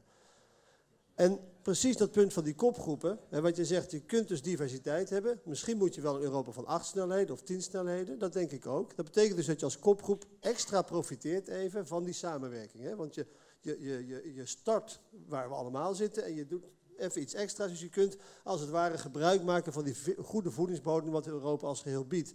Daar zou je best wel een stukje herverdeling voor terug kunnen vragen. Prima, ga jij in een kopgroep, dan zou je moeten herverdelen, want dan gaat die kopgroep er vanzelf ook weer uit, omdat je dan solidariteit vraagt van kopgroepen, omdat we nu eenmaal een gemeenschappelijke historie identiteit hebben, en dat je daardoor een verhaal hebt waar je op voorwaarts kan gaan. En dat is een ander verhaal dan alleen maar tegen de Grieken zeggen van jullie hadden niet mogen liegen en daarom moeten jullie nu bloeden en betalen enzovoort enzovoort. Elkaar voortdurend de maat nemen, gaat hem niet, eh, gaat hem, dan gaat het hem niet meer worden. Want dat is wat, waar, waar volgens mij het grote probleem nu zit. Elkaar steeds maar de maat nemen. Het zijn, het zijn, het zijn Ma- natuurlijk wel dus, de, de- ja, de- het zijn wel ook de zachte waarden hier die naar voren komen. Natuurlijk Ja, ook het grotere verhaal. Maar worden we dan niet eigenlijk ook weer door het, het, het cynisme en ook het, het keiharde populisme, natuurlijk, wordt dit verhaal niet kapot gereten? Is, is dat er tegen bestand? Eh, Of, of wordt het, ja, dat is er tegen bestand? Nou, Stel je Kijk, ook op. er is natuurlijk een, een, een, een gure, koude, eh, populistische wind door Europa aan het waaien. Dat is waar. Maar je kan ook zien dat er weer, weer toch weer een tegenwind aan het waaien is. Macron in Frankrijk met Marche. D66 in Nederland. Eh, Je bedoelt Jesse Klaver. nou, net zo goed pro-Europees. Maar eh, ja, ik, ik volg nooit peilingen, maar ik, ik weet niet. eh, kijk er even naar. Ehm, maar er zijn, er zijn verschillende plekken in Europa. Duitsland gaat nu de kanselierstrijd tussen twee pro-Europese kandidaten. In Spanje heb je een, een grote nieuwkomende partij die heel erg pro-Europees en het goed doet. Dus het is ook niet zo dat alleen maar iedereen nu weer eurosceptisch is. Het, het, ook daarvoor geldt, er zijn bewegingen na Trump en Brexit de ene kant op, maar ook weer bewegingen terug. Dus het is niet alleen maar hopeloos. Er zijn ook wel mensen Nee, maar die dat, suggereert ook niet meer. Maar is het, het, het, het is natuurlijk... je Nou, jij zei het wordt, wordt iets kapot gereten nou ja, door het, verhaal, populisme. dat maar, klonk tamelijk hopeloos. Nou ja, nou nee, het is, het is meer dat de, de, de, de tactieken van de populisten natuurlijk eh, eh, eh, tamelijk effectief blijken vaak tegen de, zeg maar, de, de, de verhalen die eh, samenhang en, en, en verbinding eh, propageren. En het is natuurlijk makkelijk om er doorheen te rammen met een, eh, met een, met een cynisch verhaal. En, dat, en dat, dat is mijn vraag eigenlijk. Is, is, is dat, eh, biedt het narratief zeg maar, van het, eh, het construct- constructieve Europa genoeg fundament om dat omhoog te Maar halen. dan ben ik het eens met Hella en, en, en, en, en Wim. Die zegt, He- Wim zegt, je moet leiders hebben die het hele verhaal durven vertellen. En je hebt Hella die zegt, er moet een verhaal komen. Nou, als je een goed verhaal hebt, wat je door, door, door leiders durft te laten vertellen, ook in hun eigen parlementen, wat nu niet gebeurt, dan denk ik dat je wel stappen kan gaan zetten. Concreet gezegd, de leiders moeten meer ballen hebben om het echte verhaal te vertellen, ook naar hun eigen electoraat toe. Dus volgens mij is dat een, een, een aanwijzing. Voor en na Huh? verkiezingen Ja, hetzelfde voor- zeggen is al heel wat. Voor, nou, ja, nou ja, en ook het hele verhaal. Het is een second best world. Echt. Het, het, is, het is, politiek is, is bijzonder eh, lastig met zoveel landen. En daar zal je niet altijd helemaal uithalen wat de bevolking misschien wel denkt dat je eruit haalt. Daar moet je denk ik ook een beetje realistisch in zijn. Ja. Ik wil jullie danken voor dit eh, gesprek. Het is kwart voor negen. We, we draaien alweer een, een kwartier langer door dan eh, wij hebben aangekondigd. Ik wil dus eh, even een paar slotwoorden even toch geven weer aan eh, onze Griekse minister van Financiën. Die ons eigenlijk, ja, die, die, die, die, nee, ja, dat is, ook, het is ook een soort van inleider. Janis. Janis heeft toch een paar woorden en die toch ook weer constructief zijn. Is the EU doomed or can we still save it? Interesting question. If you had asked me a year, two years ago, I would say, oh, we're not past the point, point of no, no return. But once Brexit happened, it is now utterly imaginable that a series of exits can lead to the deconstruction of the European Union. I hope we're not past the point of no return. It's impossible to know. But whether we are or not, I think it's important uh, to try to save the EU, even if we fail. Because let's say that we are past the po- point of no return. Um, the attempt to, to, to save it is going to create so much good quality political capital that we shall need it after it has disintegrated in order to bring it back together again. And what is this good uh, quality political capital that you're talking about precisely? Well, what we're doing now, Yeah. you and me having a discussion about what needs to be done. Um, you're Dutch, I'm Greek. We have people here from, who are from Poland, Italy, uh, Croatia, Britain, Germany. Uh, we're the people that have to bind together, reach out across national borders and political party affiliations uh, in order to discuss that which needs to be done in order to minimize the human costs of the current crisis and build a common platform on which to found or refound uh, shared prosperity. Nou, dat zijn toch mooie woorden volgens mij waar die uh, mee eindigt, deze, deze rebel van, het, eh, van, de- van de Europese politiek. Ik dank u allen enorm, Kees Verhoeven. Even een applaus voor de panelleden. Hella Huuk, Wim Boonstra en Christian Vos.